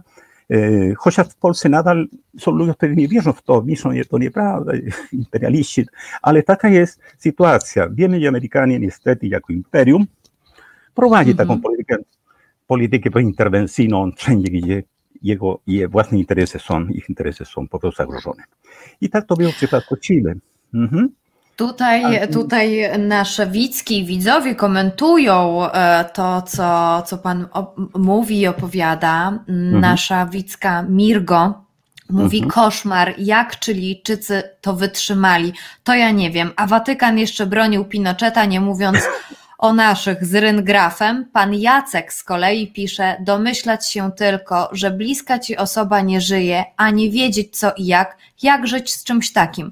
Ja tutaj teraz się e, jakby do państw, Państwu serdecznie polecam, jeżeli będą mieli Państwo okazję, a są Państwo zainteresowani, jak właśnie wyglądało, jak wyglądał ten czas, jak wyglądał, e, jak wyglądał udział Amerykanów, jak tutaj również z Wielką Brytanią, z Margaret Thatcher się bardzo Pinochet lubił. E, jeżeli Państwa to interesuje, to chyba w 2010 roku wydawnictwo Czarne wydało taką potężną książkę, ona się nazywa Czas Kondora. Znakomity kawał, znakomity kawał historii. To Amerykanin napisał, amerykański dziennikarz, bardzo, bardzo Państwu polecam. E, natomiast, e, Panie Mario, ja myślę, żebyśmy sobie zrobili chwileczkę oddechu Mhm. E, I do naszej rozmowy wrócimy, bo ja bym jeszcze się chciała zapytać o to, gdzie jednak bliżej e, w sercu? Do Mhm. Chile, czy jednak do Polski? Bo, Tak, tu, bo, tu, dużo, bo tu dużo lat, ale to o Okej. tym za moment zrobimy ale- sobie chwilę Dobrze, ale, ale tylko jeszcze chciałem, właśnie, bo to nie odpowiada na pytanie, dlaczego Chilijczycy tyle lat wytrzymali, mają taką konstytucję, to jest istotne. Okej, mówię- to No nie od razu, ale to jest fakt, tak, oczywiście, jak to możliwe, całe społeczeństwo żyje w takich warunkach ciężkich, trudnych, a nic. E, W zasadzie to jest e, społeczeństwo chilijskie obecne po dyktaturze, to nie jest ten, to samo społeczeństwo, co przed dyktaturą, nawet podczas diktatury. Jest to społeczeństwo, e, które zostało e, mm, wykastrowane. O, może to jest to określenie, W- po hiszpanku można to powiedzieć, wykastrowane. Czyli po prostu Mhm. jest i to społeczeństwo zdemolizo- demobilizowane. E, System gospodarczy doprowadził do tego, po prostu jest, to jest bardzo silny indywidualizm. No, skoro tutaj, prawda, wzbogać się sam, to jest swoje sprawy, swoje życie, swoje emerytury, swoje, to wszystko swoje, no to oczywiście ta um, sieć społeczna została po prostu zdegenerowana. znisz... Nie ma, zniszczona. Partie polityczne przez 16 lat były nielegalne, czyli nie było wolności. Działalność była oczywiście e, e, ta, e, potajemna, czyli tak niebezpieczna. I, I teraz zaczynamy budować jaką demokrację. Ta demokracja pod egidą diktatury, która określa, ta demokracja owszem musi być, ale e, protegowana, czyli chroniona przez wojsko, przez jakieś instytucje, prawda, które będą Trybunał Konstytucyjny i tak dalej. Problem polega na tym, że elita, która się wyłoniła po dyktaturze, jest to elita opozycyjna jak najbardziej wtedy, do stosunku która się dogadała po prostu z a, elitą panującą zawsze. Jakby socjaliści, czy byli socjaliści, a, opozycyjni, tam kadeci i tak dalej, po prostu wsiedli do tego tramwaju, który już zostało, prawda, wcześniej już ustawiony i pojechali dalej, czyli zmieniliśmy dyktaturę wojskowej na dyktaturę kapitału. Czyli Mhm. wychodziliśmy O. ze świata, zmieniliśmy, Bardzo ładne, bardzo ładne Tak, no- porównanie. wychodziliśmy jakby ze świata e, wielkiego brata na realia szczęśliwego życia. Czyli już nie karabiny, nie lufy, nie więzienie czy obozy koncentracyjne, a teraz karta kredytowa. Mhm. e, prasa Biledziaka. I ten Mhm. człowiek, który właśnie ma te kajdanki, to już się nie buntuje. Dlatego on się boi, on nie wie, on nie będzie uczestniczył w żadnej manifestacji, ponieważ on już zostaje zwolniony z tej kiepskiej pracy, ale ma kredyt do spłacenia do końca życia. Z czego Mhm. to płaci? To jest ten problem. Czyli to jest ten strach nie na to, że zostaje zaginiony, czy tam, bo teraz to już tak raczej nie ma, tylko w przypadku jak się próbują rozwiązać konflikt e, z Mapuches, bo tam na południu jeszcze w dodatku jest kole- kolejny konflikt z etnią taką i tam się Mhm. stosują metody jakby z czasów dyktatury, ale obecnie, prawda, nie ma tego, no zostaje zatrzymany, zaginiony i tak dalej. Najbliżej to ja po prostu tracę pracę, mam taki ruch nie do wpłacenia i mogę tracić moje nie życie, ale dom, majątek. I to jest ten problem i dlatego to społeczeństwo cicho siedziało, mówi nie, to tak będzie, zrobimy tak. Dziewi święty spokój. Jeszcze propaganda, telewizja, która głupia wszystkie, bo telewizja tam w Chile to proszę nie, nie ogląda, bo można zwariować. A więc to wszystko robiło swoje, tylko je niżej, po, tam y, jak się mówi, po ziemię, tam był ten ruch protestu, y, niezadowolenia. I mówię, Mhm. już przyjdzie moment, kiedy już, pa, oczywiście to się wiąże z sytuacją międzynarodową, kryzys, prawda, oś- ósmego roku, wszystkie kilka elementów, które tutaj tego, e, tam e, krach e, modelu neoliberalnego w krajach latynoamerykańskich, w sąsiednich, w Argentynie, czy tam, to wszystko miało wpływ na to, żeby w Chile wreszcie i nieprzypadkowo ta młodzież, ta Mhm. młodzież szkolna, ta młodzież li- licealna i część uniwersytecka, nieprzypadkowo. A reszta to młodzież bezrobotna, czy po prostu, którzy nie mają nic do Mhm. stracenia. I dlatego nieprzypadkowe. I to powoduje ludzi powoli, ale widać, że w ciągu roku rząd na to liczy.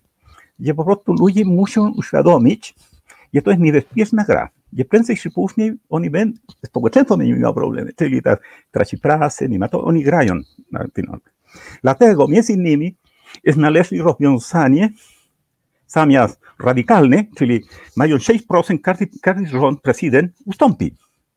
Powszechne wybory, Mhm. zaczynamy nowa. Tak było i jest. W Chile nie. W Chile grają na to, żeby ludzie się męczą, się mat- zmęczenie materiału i bez udziału opozycji socjalistyczno-socjaldemokratycznej tego byłoby niemożliwe. A niestety ci politycy, ponieważ należą tej samej kliki, poszli na taki układ i wymyślili to, że powstaje jakaś tam e, konstytuanda, będziemy głosować, robimy nową konstytucję, żeby, czyli to robimy wszystko, żeby nic nie zmieniać. Zmieniamy to, żeby nic nie zmieniać. Taka niestety jest gra. I to osłabiało, osła- osłabiło bardzo e, ten ruch protestu. Jest pandemia do tego, nie, prawda? Ludzie się boją, nie mogą sobie się starać i tak dalej. Niestety, tak to wygląda. Panie Mario, do naszej rozmowy wrócimy, bo już tutaj się pojawiają komentarze, które z przyjemnością zacytuję. E, także e, widzimy i słyszymy się e, już za chwilę. A Państwu cały czas przypominam, e, żeby dawać łapki w górę i słuchać naszą rozmowę dalej w świat, bo cały czas jesteśmy na żywo. Słyszymy się za moment. Słuchasz Resetu Obywatelskiego. Reset Obywatelski działa dzięki Twojemu wsparciu. Znajdź nas na zrzutka.pl. Wracamy do naszej e, rozmowy i teraz trochę z Chile przenosimy się do Polski. Chciałam jeszcze tylko Państwu Mhm. pokazać książkę e, Czas Kondora wydawnictwa Czarnego, e, która, jeżeli jest ona dostępna, to serdecznie Państwu polecam. Ponad 400 stron niesamowitej wiedzy, jak Pinochet i jego sojusznicy zasiali terroryzm na trzech kontynentach. E, Porażająca jest to lektura. E, Jakiś czas temu ją przeczytałam i jest naprawdę, naprawdę porażająca. E, Więc jeżeli są Państwo zainteresowani, jak to było w Chile, zachęcam. Czeskondora, wydawnictwo czarne. Natomiast z nami cały czas Mario Galdames, e, z którym rozmawiamy. E, I no, trudno tutaj, gdy się Pana słucha i gdy Pana słuchamy, nie mieć takiego poczucia, skądś to znamy. Nawet tutaj był jeden taki komentarz, skądś to znamy, e, coś nam tutaj świta, coś podobnego. Jedna z naszych widzek, Mirgo, napisała, czy reforma emerytalna w Chile nie była przypadkiem wzorem do naśladowania u nas? E, Później kolejny komentarz. Kolejny komentarz, tym razem pana Andrzeja, czyli Panie Mario, mamy w Polsce drugie Chile.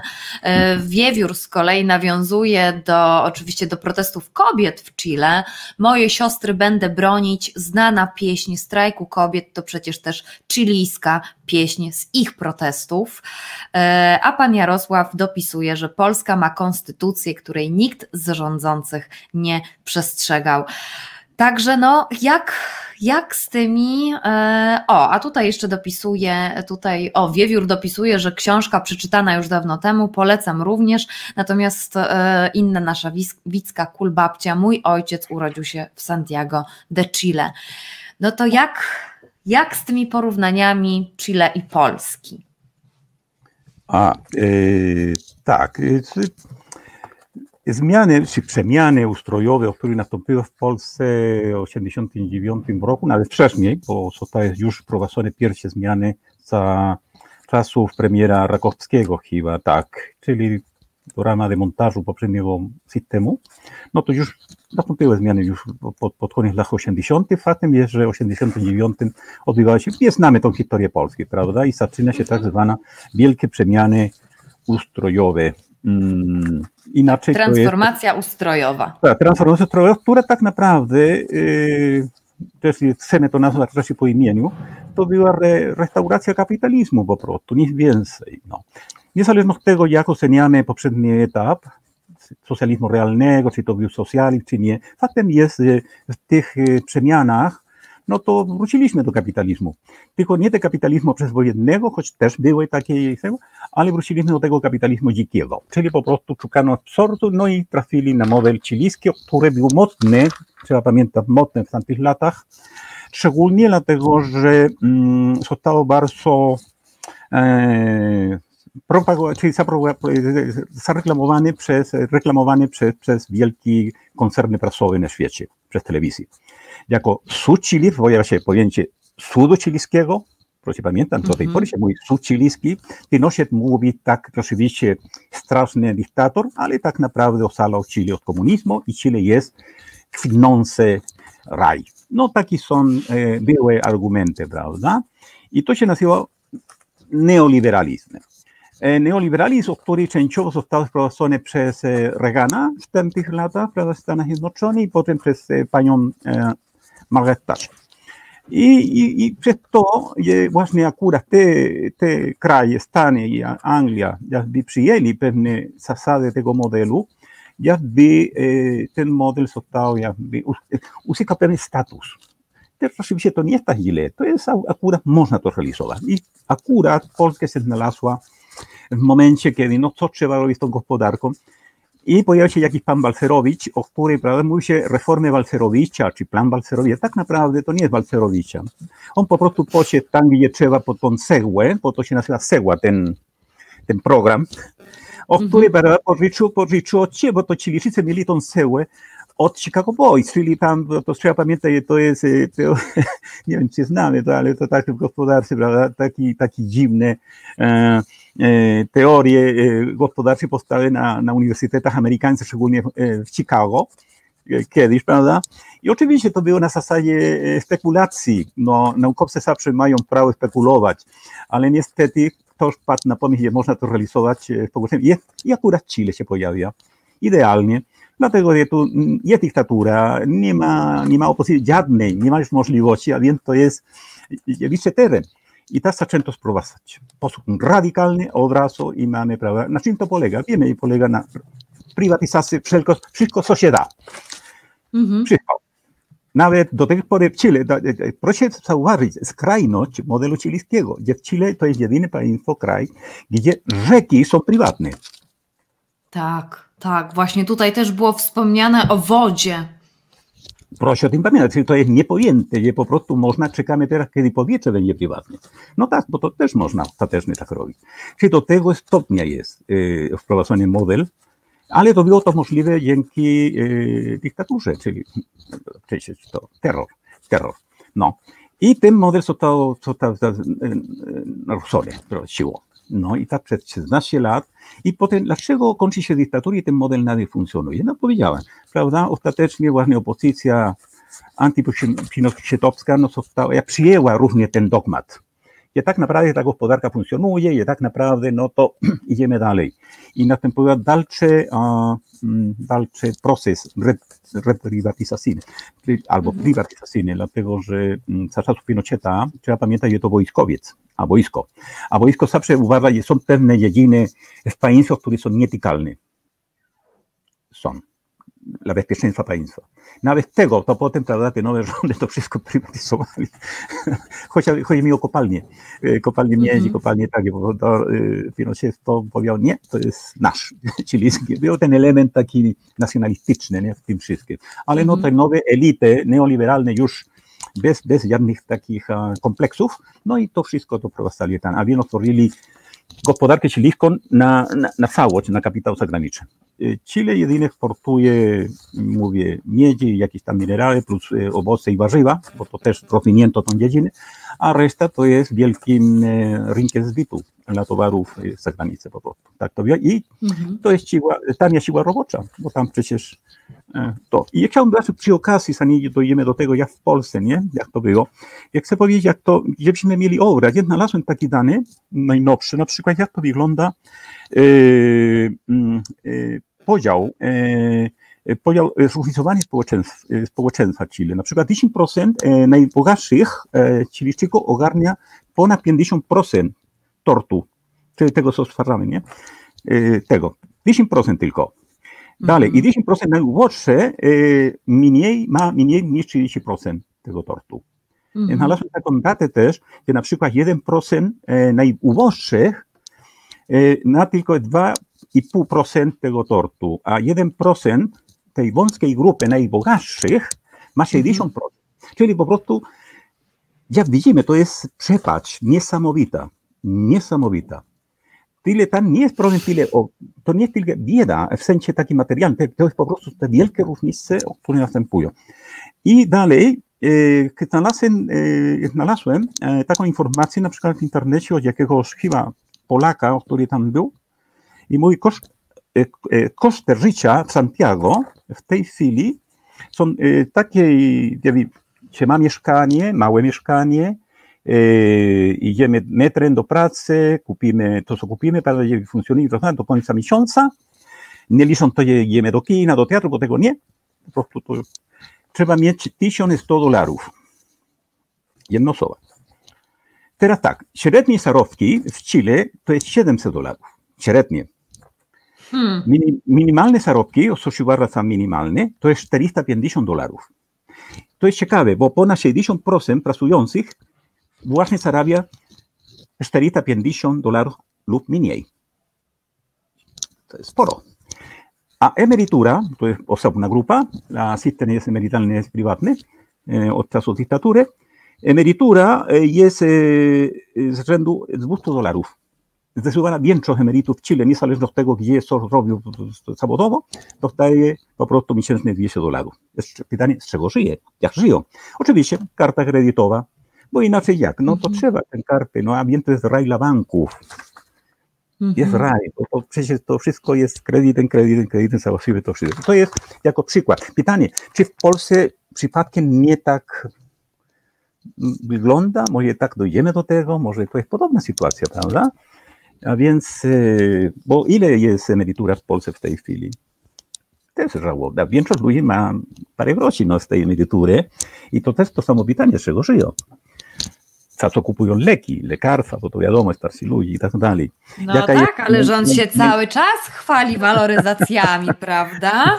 No tak, jak to nie wzrasta, to... jak to nie wzrasta. To jest... A w ogóle to znalazłam taką daną ostatnio, pokazało mi się, y, jakoś teraz tak na dniach, że tak na dobrą sprawę to 500 plus teraz obecne, prawda? Mm -hmm. To tak naprawdę wartość 500 plus obec, obecnie to y, y, wtedy, kiedy ono było wprowadzane, to teraz jest 447 zł. No, I coraz mniej będzie, i coraz mniej będzie, mm -hmm. dlatego że koncepcja tej 500 plus, ja mówię, powiedziałem chyba rano, jak rozmawialiśmy przez telefon, koncepcja ja uważam, że słuszna, trzeba coś takiego robić, tylko że jest, e, e, koncepcja jest błędna.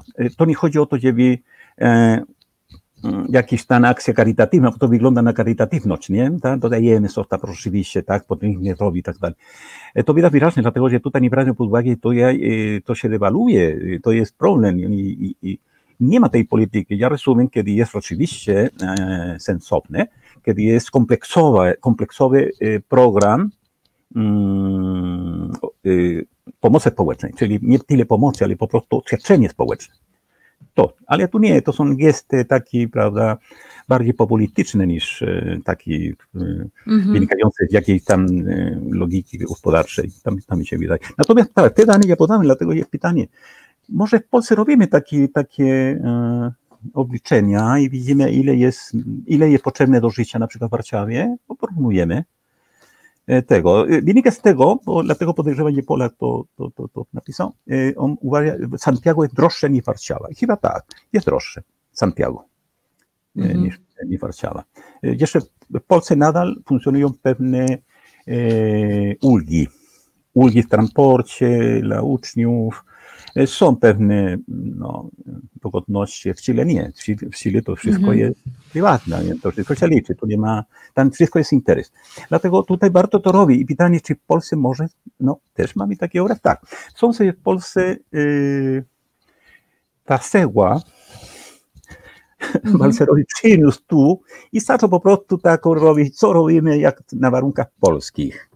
Owszem, to nie jest kopia, e, bierna kopia, nie. To są pewne zmiany zaadaptowane dla, dla warunków polskich. Czyli takie, na przykład, jeśli chodzi o system emerytalny, e, były różne takie konsultacje, wjazdy, przyjazdy, gdzie tutaj a, koordynować, do Chile naturalnie, z Chile do Polski.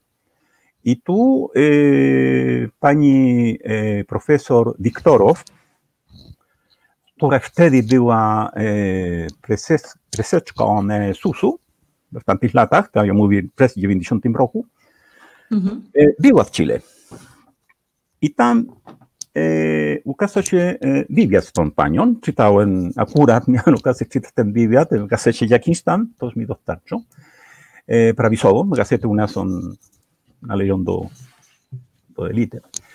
I tam bardzo ostro krytykowali tą panią profesor, ponieważ ona powiedziała ten model chilijski, tak, owszem, jest to ciekawe, poznałam to w terenie, tylko że to mm, do Polski nie nadaje się, dlatego że Polska to kraj europejski.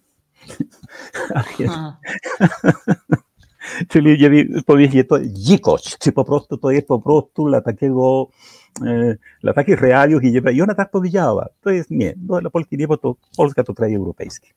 πολλά σε τεγωνία. Λέψε. Η Πόλσκα πολλά σε τεγωνία κουπούλιο. Εικόνες. Αν είναι τα όστρο και την κοβάνα, σε όλο το σαβάβα, τούρα τούτα, η βέγγε που βιάζει εμεί, τα γνάζει. Αλλά λέω να μην αγοράσει. Τότε πάντα σου είναι αγοράσει. Τώρα σου δείχνει. Το είναι μόδελ που πρώτο νιέδο ψιέν τσάρτσε από μια τα Αμερικάνη τέτ που βάλει το ρόβι, αλλά βάζω σίχο ρε στην οβάλι, που τους ρίχνει το βάλι το δω προβάλλει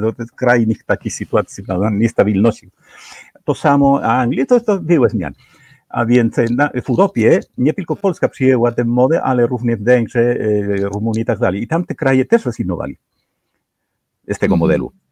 W Polsce e, rezygnowali częściowo. Trzeba pamiętać, że w Polsce dopiero pod koniec e, rządów e, PO e, było postanowienie ministra finansów, który powiedział, no tak, my musimy, musimy skończyć z tym modelem, ponieważ jest straszny drenaż dla finansów państwa.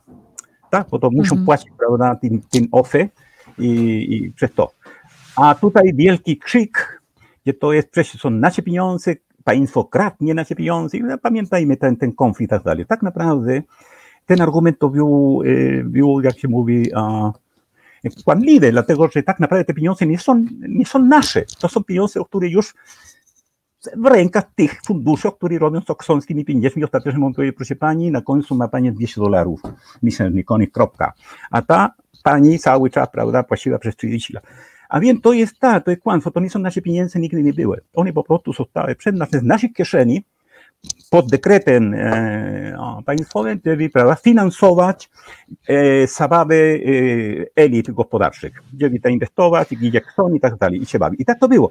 Wobec tego tutaj pod koniec rządów PO rzeczywiście była ta zmiana, ale robili tak, że nie likwidowano OFE jako takie, ale robili tak, że ludzie po prostu mówią zrezygnować.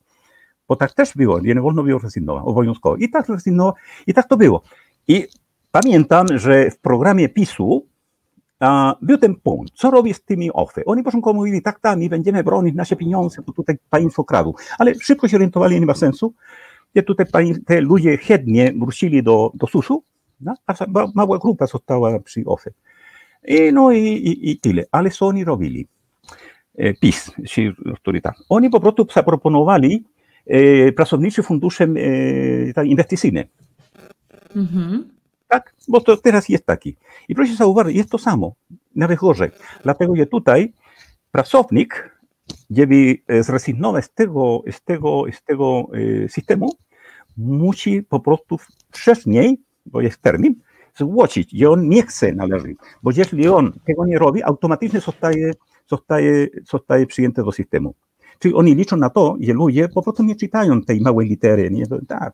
I tak. I nagle się okazuje, że ja jestem w tym systemie, chociaż nie wyraziłem zgody. Tak robili tutaj. Więcej, tutaj ten model e, e, próbuje zachęcać do tego i mówi, że państwo daje jakieś tam, nie wiem ile, nie pamiętam, 100 zł, 1000, nie pamiętam, coś daje, żeby zachęcać na początku. Ale jeśli ja rezygnuję, bo to można ostatecznie zrezygnować po jakimś czasie, to musi oddać wszystko, co państwo, czyli w sumie człowiek Kowalski, no dobra, popisałem, nie będzie i tak dalej. Czyli znowu finansujemy działalność wielkich korporacji, wielkich kapitalistów kosztem prawda, naszych emerytur, przyszłych emerytur. O, można tak, tak, naszych funduszy.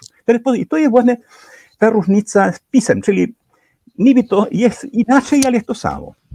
No, o to, o to mi... Panie Mario, cudownie się Pana słucha i to aż dostaję tutaj głosy, że Szkoda, że nie mamy więcej czasu, ale no. proszę mi obiecać, że jeszcze się spotkamy, bo jakby jeszcze różnic jest dość sporo i ja bym chciała zadać to pytanie, jednak tak. jak tutaj, jak tutaj a propos, a propos odległości 13 tysięcy kilometrów, jak to jest z tą tęsknotą za krajem, e, a jak to jest już tutaj od e, tylu lat, e, żyjąc, mieszkając, płacąc podatki, oczywiście, do, do, dostrzegając różnice, ale i podobieństwa, jak to jest po prostu. Więc proszę mi obiecać, że jeszcze się spotkamy i porozmawiamy. Na pewno, nawet chętnie. Cudownie, cudownie. Bardzo, bardzo się cieszę, ale już musimy niestety kończyć. Mario no Galdames nauczyciel języka hiszpańskiego, ale również e, tutaj uchodźca polityczny z Chile, e, mieszkający od lat 70. w Polsce, był moim Państwa gościem i na pewno się jeszcze spotkamy. Bardzo, bardzo dziękuję za spotkanie. Pewno, Państwu również. Państwu również. Proszę łapki w górę, subskrypcje dla Resetu Obywatelskiego. Bardzo dziękuję Piotrowi za e, realizację z naszej wirtualnej reżyserki, z naszego wirtualnego studia. Ja nazywam się Marta Woźniak, to był Maszkatnik. Zapraszam w czwartek do programu To jest wojna o godzinie 19, i przypominam, że producentem dzisiejszego programu maszkatnikowego był Waldemar Wysokiński. Serdecznie pozdrawiam, ściskam Państwa, wszystkiego dobrego i proszę nas wspierać. E, to tyle. Pa! Reset Obywatelski. Podobał Ci się ten program? Reset to medium obywatelskie, którego jedynymi sponsorami jesteście Wy, odbiorczynie i odbiorcy. Wesprzyj nas na zrzutka.pl i pomóż budować niezależne medium.